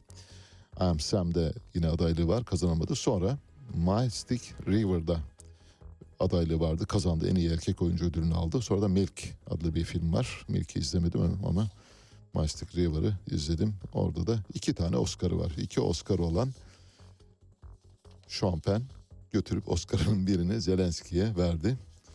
Robin Wright House of Cards'ta oynuyor şu anda. Claire Underwood rolünü paylaşıyor. Müthiş, olağanüstü bir oyuncu olduğunu söyleyeyim. Evet, bu haberi neden verdik? Şunun için verdik. Dedik ki bir süre sonra Zelenski'nin başına bir iş gelebilir. Çünkü Sean Penn daha önce bu konuda şerbetli, deneyimlenmiş biri. Gittiği yerden böyle şeyler çıkabiliyor. El Chapo'nun yakalanması yani yıllardır yakalanamayan bütün cezaevlerinden kaçan El Chapo'nun yakalanmış olması biraz manidar. Birazdan Nurettin Nebati'nin doktora tezinden kimi ayrıntıları paylaşacağım. Bazı notlar aldım. O notları tabii kritik yaparak paylaşacağım sizinle. Şimdi eğer sıkıldıysanız hani böyle ortamı yumuşatmak istiyorsanız şimdi ortamı yavaş yavaş yumuşatacağız. Beraber yürüdük biz bu yollarda beraber ıslandık. Tabii anons yapmayı unuttuk. Ee, etrafınızdaki tavuk, ördek, kaz, hindi her ne varsa hepsini kafese kapatmanızı söyleyecektik ama unuttuk. Kusurumuza bakmayın lütfen. Binali Yıldırım dinliyorsunuz şu anda. Şimdi Bin, Binali Yıldırım'la ilgili biraz komik gelebilecek belki size ama maalesef söylemek zorundayım. Kendisi bildiğiniz gibi 20 Ekim'de e, yetmez mi artık? Ha? Bence yeter. Yani izleyiciye bu kadar ızdırap çektirmemize. Ben bile dinlerken çok ızdırap çekmeye başladım. O yüzden konsantrasyonum bozuldu. Anlatamaz duruma geldim. İzleyici kim bilir nasıl helak olmuştur bu ses karşısında. 20 Ekim'de kendisi bir trafik kazası geçirdi Azerbaycan'da bildiğiniz gibi. Bu trafik kazasından sonra iki tane fotoğrafı çıktı. Bu iki fotoğraf birbirinden epey bir farklıydı. Mesela şimdi Binali Yıldırım 20 Ekim'de bu tarihi lütfen not edin. 20 Ekim'de trafik kazası geçirdi. 27 Ekim'de kolları ve göğsü her tarafı başı sarılı vaziyette kameraların karşısına geçti kazayı anlattı. 27 Ekim'den bu yana Binali Yıldırım ortada yok. Sizin aklınıza bir şey geliyor mu? Yani mesela 27 Ekim'den bu yana neden yok? Hiçbir yerde gözük görmedim. Baktım, aradım, taradım. Tek bir kelime demecine rastlamadım. Tek bir kare görüntüsünü bulamadım. Biraz böyle hani kayıp aranıyor haberi gibi bu. O bakımdan. Çünkü o kaza da bir hayli böyle soru işaretlerine ve yer veren bir kaza. Bildiğiniz gibi kazadan hemen sonra çekilmiş iki fotoğraf var.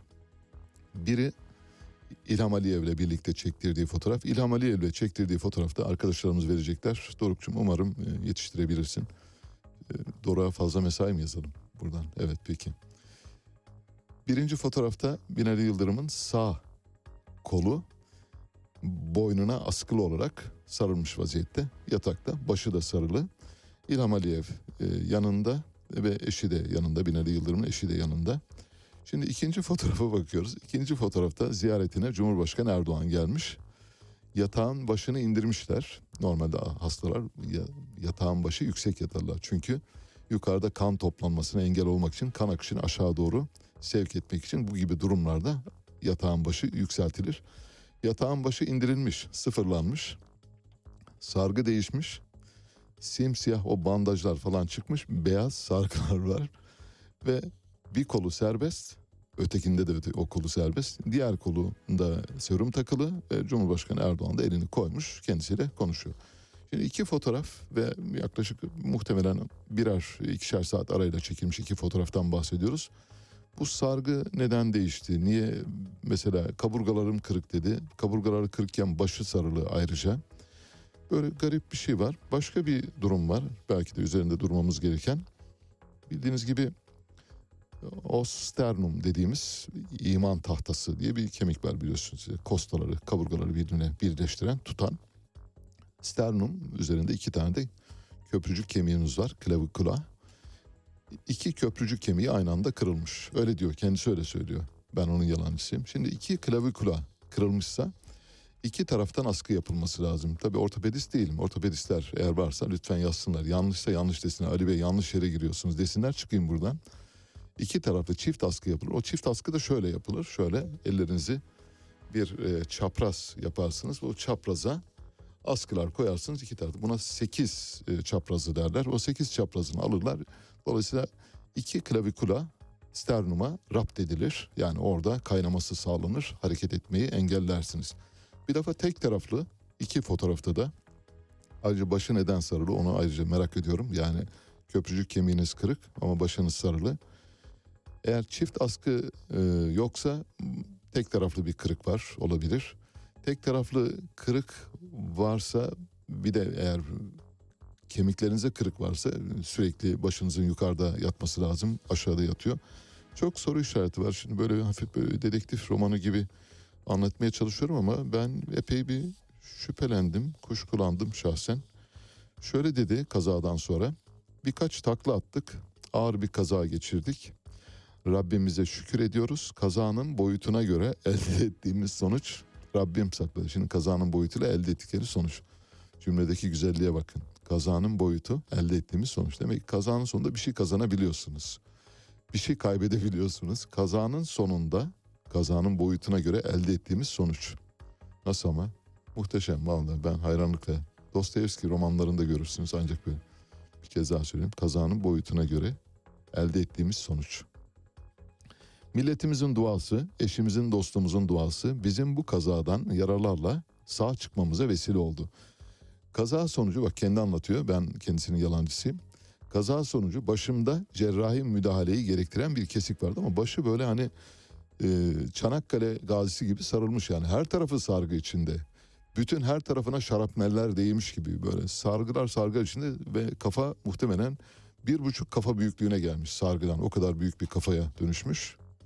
İki ameliyat gerektirdi diyor. Ayrıca köprücük kemiği iman tahtasından ayrılmıştı. Bu da halledildi. İki kaburgam kırık. Bunlar da zaman içinde geçecek vesaire falan. Haber şu.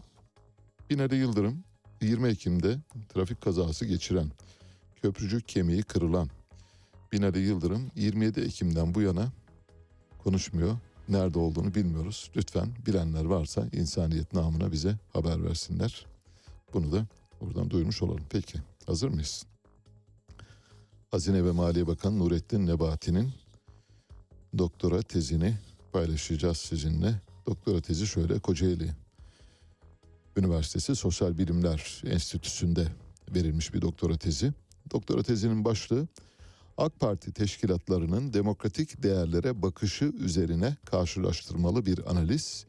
Milli görüşten muhafazakar demokrasiye diye giden bir tez.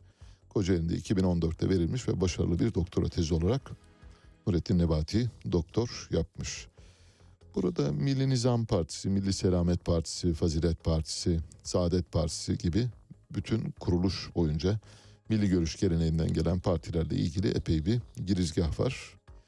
Fakat denek olarak AK Partililerle Saadet Partileri ele almış. Yani buna çift kör çalışması derler. Ee, Kimya deneylerinde öyle söylerler. Keza sosyal bilimlerde de öyledir. Çift kör kullanmış. Neden Saadet Partileri denek olarak kullanmış onu anlamakta zorlandım. Mesela denek olarak aynı zamanda Büyük Birlik Partileri kullanabilirdi. Hatta ve hatta merkez sağdaki Anavatan Partisi'ni kullanabilirdi. Doğru Yol Partileri kullanabilirdi. Çünkü hepsi merkezin sağında ve muhafazakarlığa yaslanmış. Mesela Anavatan Partisi milliyetçi muhafazakar parti öyle değil mi? Ha diyeceksiniz ki Anavatan Partisi diye bir parti mi var? Vallahi bilmiyorum. En son geçtiğimiz günlerde eski Anavatan Partisi döneminde zengin olmuş bir iş insanıyla ilgili bir haber verdim. Beni biri aradı. Adını vermeyeyim. Dedi ki ben filanca dedi Anavatan Partisi'nden hatır dedim nasıl hatırlamam sizi? Ben o yıllarda parlamento muhabirliği yapıyordum. Yani böyle yediğiniz içtiğinizi bile takip ediyorduk o kadar. Yani hani kendisini hatırlamam ama imkan yok. Biz Anavatanlıyız biliyor musunuz Ali Bey dedi. Evet dedim biliyorum. Biz Anavatanlıyız Ali Bey dedi bir kez daha söyledi. Dedim evet biliyorum dedim Anavatanlı olduğunuzu. Ali Bey bak biz Anavatan dedim ki Anavatan diye bir şey yok. Var var dedi biz Anavatanlıyız ve devam ediyoruz. Peki dedim devam edin o zaman ama Anavatan diye bir şey yok dedim. Beni tehdit etti açıkça telefonda. Yani bir daha bu tür haberlere girmeyin demek için. Üç defa biz Anavatanlıyız dedi. Peki neyse oradan konuyu dağıtmayalım. Saadet Partisi'nin kör olarak kullanılması bence tek başına yetersiz. Yani bir tarafa AK Partilileri koyuyorsunuz, karşı tarafa Saadet Partilileri koyuyorsunuz ve 19 soru var. O 19 soruyu her iki tarafa yanıtlatıyorsunuz. Bu yanıtları da toplayıp çaprazlayarak bir sonuca ulaşıyorsunuz. Bence kör kullanımı yanlış. Yani başka partilerden de denekler alınmış olsaydı belki çok daha sağlıklı olabilirdi. Laiklik üzerine şöyle diyor tezin bir yerinde. Laiklik hiç şüphe yok ki zamanımızın önemli konularından biridir. Demek ki neymiş? Laiklik bir konuymuş. Laiklik bir mesele değil, laiklik bir sistemin adı değil, laiklik bir kamusal yönetim biçimi değil, laiklik bir konu. Önemli konulardan biri. Türkiye'deki laik değil ama kendini ötekini yok etmek üzerinden inşa eden laikçi anlayış din araştırmalarını önemli ölçüde engellemiştir diyor. Laikliği basit ve kelime içindeki yerine göre kullanımına baktığımızda son derece hafife aldığını görüyoruz. Türkiye'de seçme ve seçilme hakkı ile ilgili bir bölüm var. Orada kadınlara seçme hakkı verilmesi kadının İslam'dan kopuşunun simgesi olarak niteleniyor. Ve kadına oy hakkı verilince İslam'dan koptuğunu iddia ediyor. Demek ki oy hakkı verilmese kadınlar şu anda İslam'ın içinde kalacaklardı. Oy hakkı verildiğinden bu yana kadınlar kadınlar dinliyorsa beni ne Nurettin Nebati'nin doktora tezinde kadınlara oy hakkı verilmesi kadınları İslam'dan uzaklaştırmış. Herkes kendine bir baksın. Gerçekten İslam'dan uzaklaşma o vesileyle mi olmuş yoksa başka vesileyle mi bunu bilmiyoruz. Lenin'den bir alıntı yapıyor tezin bir yerinde. Lenin'in tek tipçi halk demokrasisini değerlendiriyor. Şöyle diyor. Lenin'in bu bakış açısı tek tip ve merkezci bir iktidarı zorunlu kılmaktadır. Belirli bir sınıfın yani proletaryanın temsilciliğini yapan iktidar açısından diğer sınıfları baskılayıcı ve son kertede yok edici önlemleri almak meşrudur. Eşitlik salt ekonomik bir kategoriye, özgürlükse sınıf tahakkümünden kurtulmaya indirgenmiştir. Amaca giden yolda başka bir sınıfın yani proletaryanın tahakkümüne başvurmak tek çıkar yol olarak tanımlanmaktadır. Böylece bir cümlede proletaryayı, Marksizmi ve Komünist Manifestoyu yerle bir ediyor. Tek yumrukta ortadan kaldırıyor. Sosyalizmi tabii çok iyi bilmediğini düşünüyorum bu durumda. Sosyalizmin e, ve sosyalizm komünizm tarifinin eksik olduğunu düşünüyorum ayrıca. Sosyalizm komünizm tarifine baktığınızda şunu görürsünüz. Bir defa mesela Komünist Manifesto'da, Komünist Manifesto'yu paylaşmıştık hatırlarsanız. Komünist Manifesto'da iki üç önemli unsur var. Bir tanesi diyor ki Marx ve Engels komünist toplum kurulduğunda, komünist devlet yapısı oluştuğunda bir, toprak mülkiyeti ortadan kalkacaktır diyor. İki, miras hakkı ortadan kalk- kalkacaktır diyor. Üç, ulaşım sektörünün tamamı devletleştirilecektir diyor. Tarım fabrikalarının ve tüm fabrikaların mülkiyeti devlete geçecektir diyor. 11 maddeden oluşuyor Komünist Manifesto'nun umdeleri ama dördünü saydım. Önemli olanları bunlar. Kadın erkek eşitliği ve pek çok konuda da e, önermeleri var. Keza daha doğrusu umdeleri öyle. Şimdi toprak mülkiyetini kaldırdığınızda mesela insanlar birbiriyle e, kapışır ya da yarışır ya da savaşır mı toprak mülkiyeti yoksa? Mesela bir tarla ha sizin ha ötekinin. O tarlayı işliyorsanız o tarladan elde ettiğiniz geliri sizinle paylaşıyor devlet. Tarlanız yoksa orayı işlemiyorsanız sizin zaten oradan bir hak iddia etmeniz söz konusu olamaz. Şimdi toprak sahibi olmanın aslında bir mülkiyet biriktirme işi olduğunu kavruyoruz. Yani kapitalizm mülkiyeti kişilerin tekeline vererek kişiler arasındaki kötü ve gayri ahlaki yarışı tetiklemiştir. Toprak mülkiyeti ortadan kaldırıldığı takdirde bu kötü yarış sonlanıyor. Kimse toprağa sahip olmak için özel bir çaba gütmüyor. Bu bir. İki, miras hakkı ortadan kaldırılıyor. Örneğin büyük bir üst bürokratsınız mesela bugün. Büyük bir bakanlıkta büyük bir idareyi yönetiyorsunuz. Her yerden çalıyorsunuz, çırpıyorsunuz. Her yerden alıyorsunuz rüşvetleri koyuyorsunuz. Diyorsunuz ki çoluk çocuğa yolluk yapmak lazım. Ama öldüğünüz gün devlet diyor ki bir dakika Ali Bey e, ne var ne gözüküyor üzerinizde şu kadar e, bankada para bu kadar e, şey zaten mülkiyet hakkına aykırı olduğu için toprak edinemiyorsunuz işte e, zinet biriktiriyorsunuz. Hepsini alıyor sizden miras hakkını ortadan kaldırıyor. Çocuklarınız sıfırdan başlayacak. Ya da çocuklarınızın sıfırdan başlayacağını bildiğiniz için rüşvet almıyorsunuz, hırsızlık yapmıyorsunuz. Toprak mülkiyeti de olmadığı için Sadece iyi yaşamaya kendinizi regüle ediyorsunuz. Elbette bu idealize edilmiş komünizmden bahsediyorum. Komünizm bugüne kadar bu idealizme çok fazla yaklaşamadı. Onu da belirtmiş olalım. Hani komünizmi övüyorum ama idealizme yaklaştı mı derseniz çok az da olsa işte belki bugün Küba'da bir parça yaklaşıldığını söyleyebiliriz. Sosyalizm Sovyetler Birliği'nde ne yazık ki Lenin'den sonra büyük bir deformasyona uğramıştır ve deformasyona uğradığı için de zaten çöküşü zaman içinde ortaya çıkmıştır. Şimdi Nurettin Nebati'nin komünizmi tarifi proletaryanın tahakkümünden ibaret. Proletaryanın tahakkümü değil, sınıfların birbirine tahakkümünü önlemeye yöneliktir. Zaten proletaryayı geliştirdiğiniz zaman diğer sınıfın küçük kaldığını görürsünüz. Kapitalizmde de diğer sınıf küçük olmakla birlikte çok zengin, proletarya çok büyük olmakla birlikte çok fakir olduğu için bu dengesizlik ortaya çıkıyor. Tanzimatla, ıslahatla ilgili yaklaşımlar. Mesela Türk modernleşmesini Nurettin Nebati 19. yüzyıla dayandırıyor. Şevket Pamuk'un belirttiği Şevket Pamuk'un bir kitabından alıntı yapıyor. Ben de Şevket Pamuk'un iki önemli kitabı var onları okudum. Birinci Dünya Savaşı'na uzanan süreçte kapitalizmin giderek ağırlığını kazanmasıyla birlikte Osmanlı merkezi yapılanması kapitalizmle bir çeşit kombinasyon kurmuş. Hem ekonomi hem toplumsal yaşam, hukuk, devlet ve ideoloji yukarıdan aşağı bir şekilde dönüştürülmüştür diyor. Yine Şevket Pamuk'un kitabından. Şimdi burada iyileşmeyi ve gelişmeyi tanzimat ve ıslahat fermanlarına kadar götürüyor. Orada kesiyor.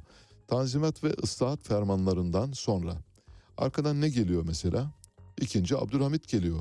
Düğünü Umumiye geliyor. İmtiyazların batılı şirketlere devri geliyor. Tekel idaresinin rejiye dönüştürmesi, Fransızlara verilmesi geliyor. Demir yolların İngilizlere, Fransızlara devri geliyor. Limanların İngilizlere, Fransızlara devri geliyor. Bütün bunları geçiyorsunuz. Tanzimat ve ıslahatı baş tacı yapıyorsunuz. Aradaki tarihi kesiti atlıyorsunuz. Tak oradan Cumhuriyet'e geliyorsunuz. Diyorsunuz ki Cumhuriyet çok kötü. Bak Tanzimat ve ıslahatla başlayan eğer bu iyileştirme adımları devam etmiş olsaydı mesela Tanzimat'ın içinde siz Balta Limanı akitnamesinin olduğunu bilir misiniz? Yani ilk borçlanmanın başladığı akitnamenin olduğunu bilir misiniz? Hani iyileşme diye bahsettiğiniz şeyin içinde bile kötüleşmenin olduğunu muhtemelen bilmediğini düşünüyorum şahsen.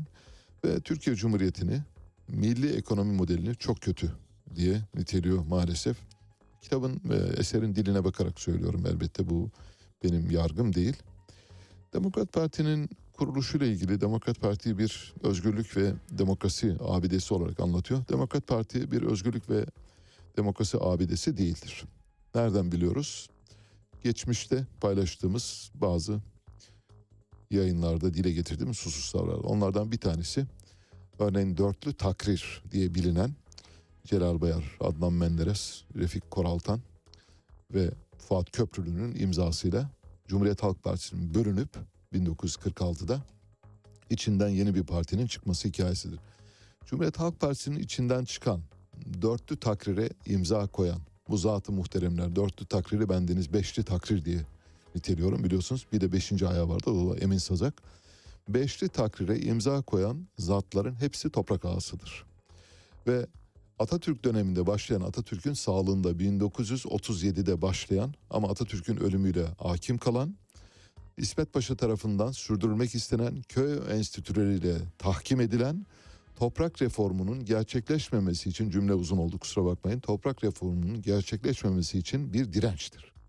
Demokrat Parti'nin kurulması tamamen büyük burjuvanın, toprak burjuvasının köylülere karşı bir direnişinin eseridir. Demokrat Parti özgürlük abidesi, özgürlük anıtı, özgürlük manifestosu gibi adlandırmak en azından bizim tarihimize saygısızlıktır. Bundan başka bir şey değildir. Eğer Demokrat Parti kurulmamış olsaydı toprak reformu gerçekleşecekti. Toprak reformu gerçekleşmiş olsaydı iş bilenin, kılıç kuşananın olacaktı.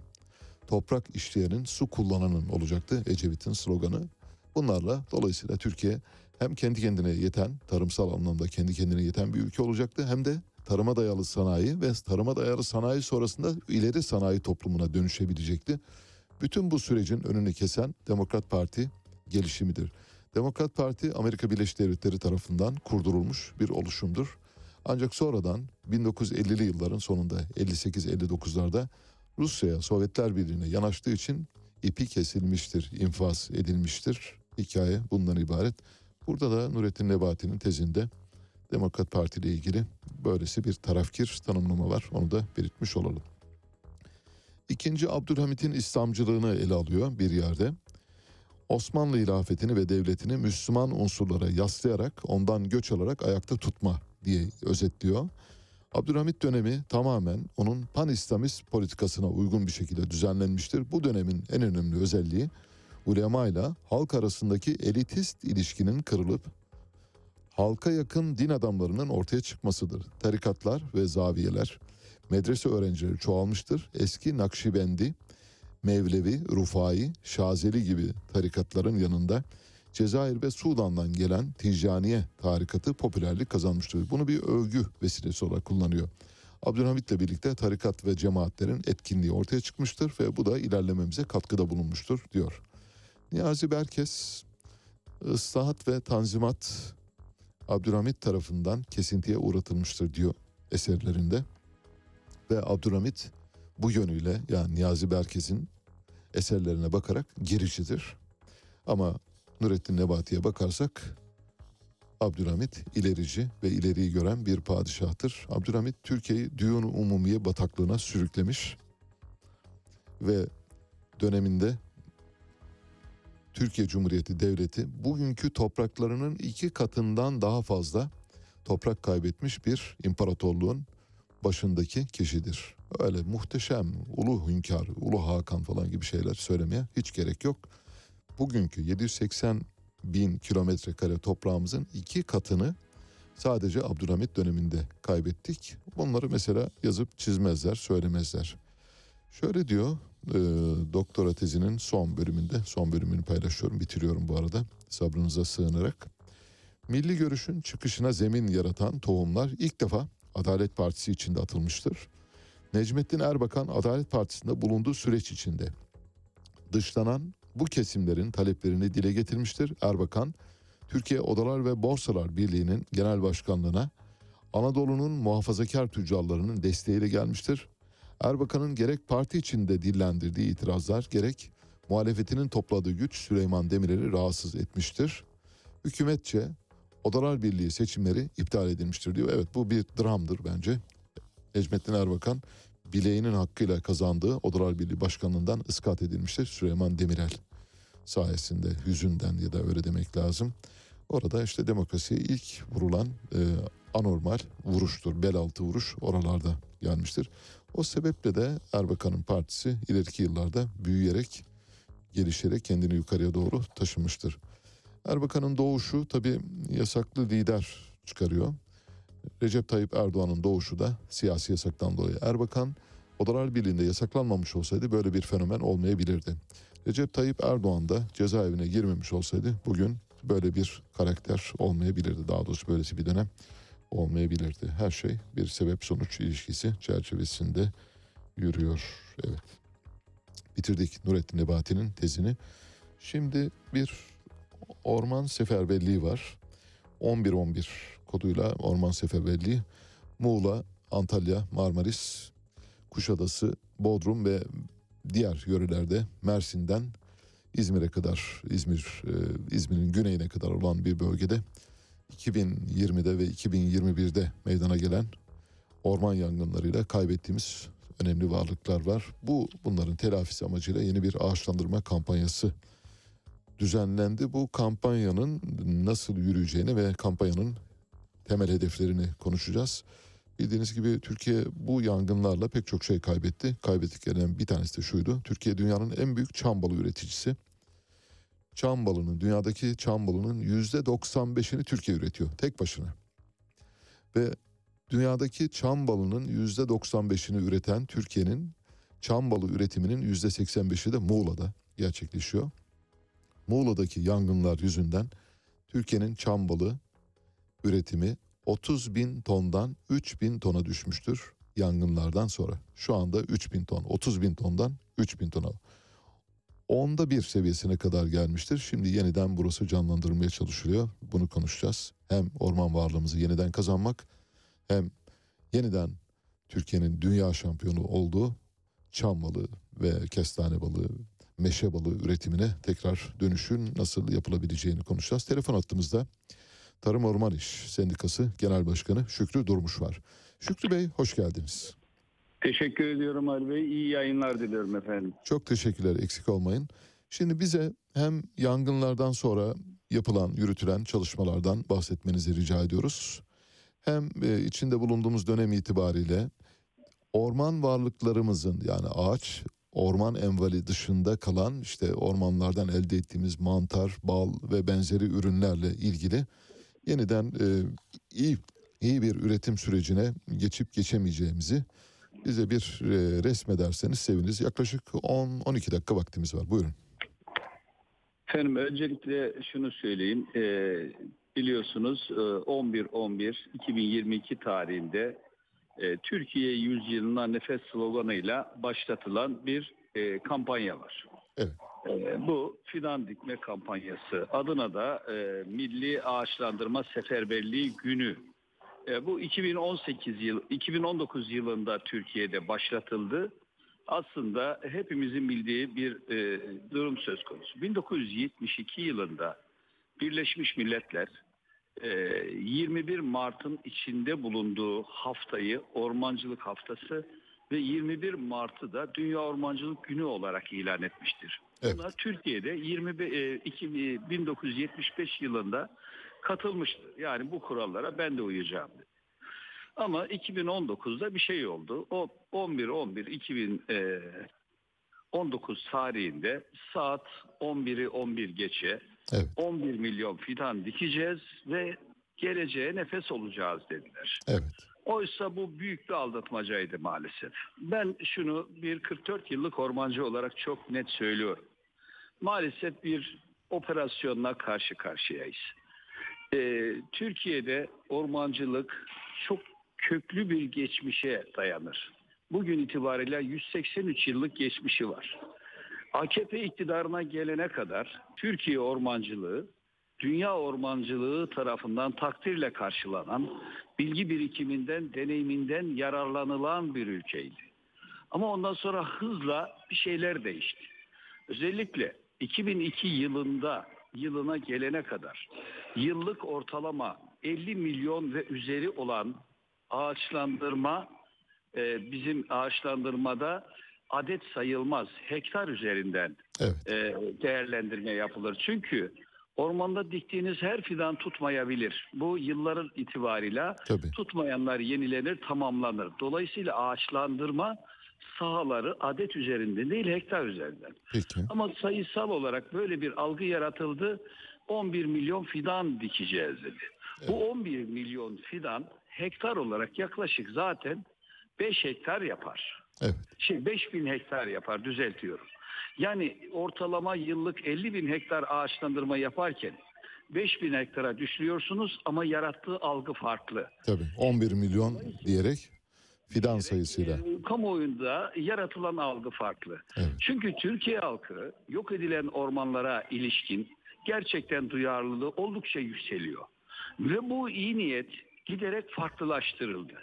Özellikle 2020, 21 ve 22'de insanlara SMS atarak SMS yoluyla e, bağış yapmaları istendi.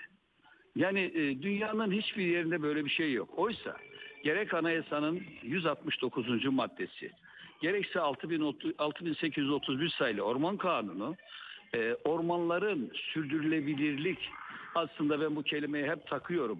Sürdürülebilir ifadesi sürdürmesinde olur anlamı taşır. Kapitalist söylemin bir ifadesidir.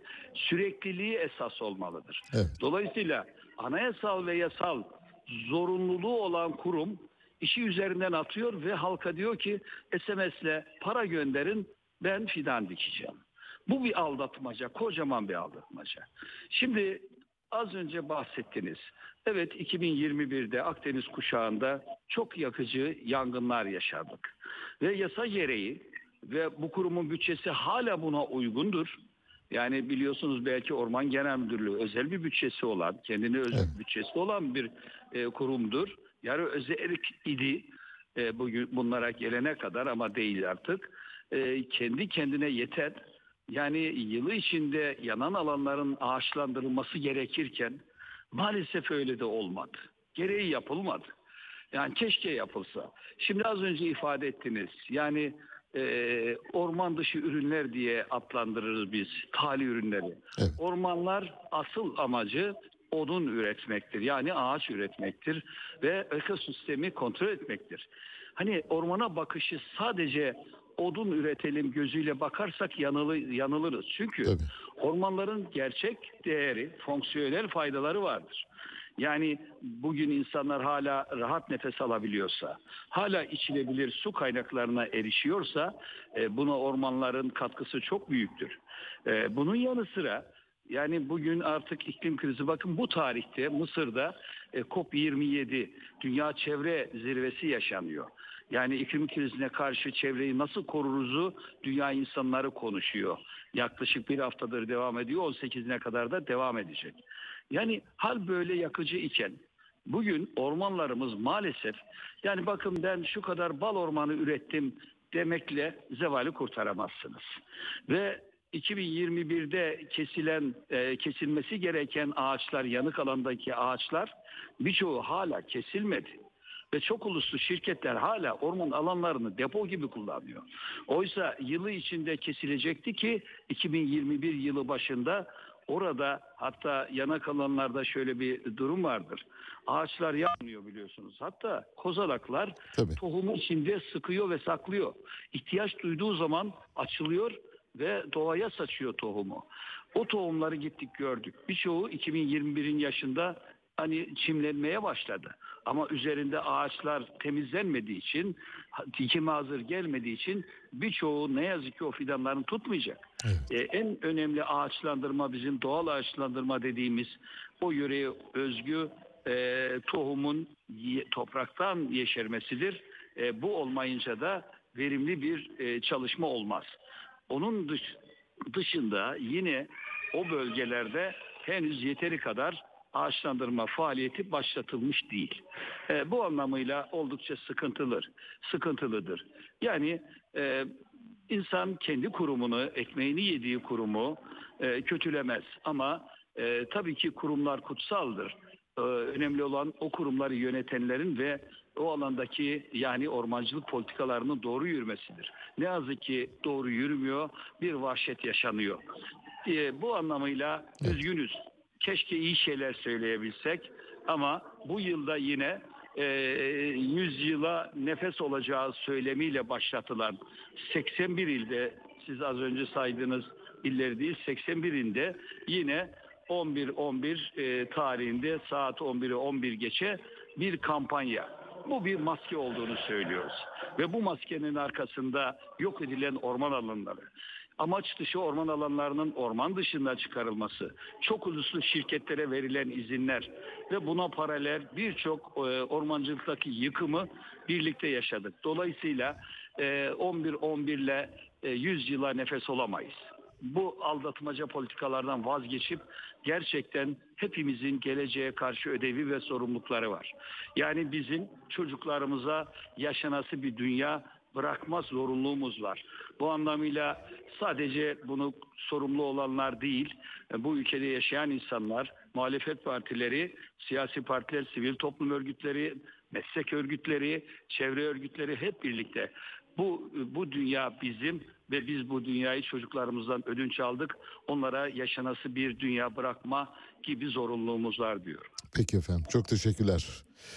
Tarım Ormanı İş Sendikası Genel Başkanı Şükrü Durmuş'la konuştuk. 11-11 e, kampanyasının aslında bir aldatmaca olduğunu orman alanları e, ihya etmede aslında hektar üzerinden ölçüm yapılması gerekirken ağaç sayısıyla yapılan ölçümün bir anlamda göz boyamacı olduğunu 11 milyon adet fidan denilerek normalde 5000 hektarlık bir alanın ağaçlandırılmaya çalışıldığını oysa Orman Genel Müdürlüğü'nün yıllık ağaçlandırılması gereken alanın 50 bin hektar civarında yani 10 katına yakın bir ağaçlandırma olması gereken e, 11 milyon fidan sayısıyla bu gözlerden e, bir şekilde saklanmaya çalışılıyor.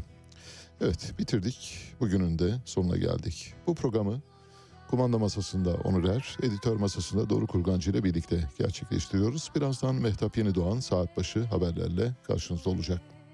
Size Tunus'tan bir ses seçtik. Emel Mahlusi. Emel Mastusi bir protest sanatçı ve Orta Doğu'nun şarkın Mağrip'in yeni bülbülü diye nitelendiriliyor. Dinlediğiniz parça Naci En Palestina.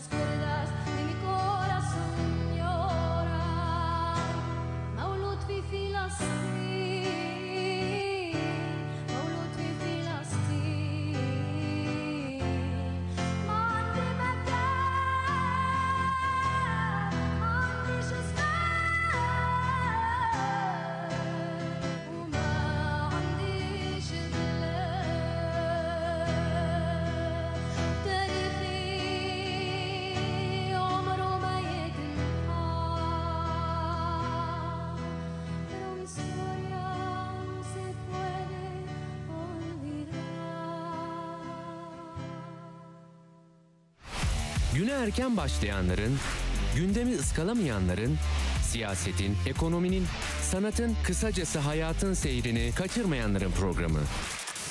Ali Çağatay'la Seyir Hali hafta içi her sabah 7'den 9'a Radyo Sputnik'te.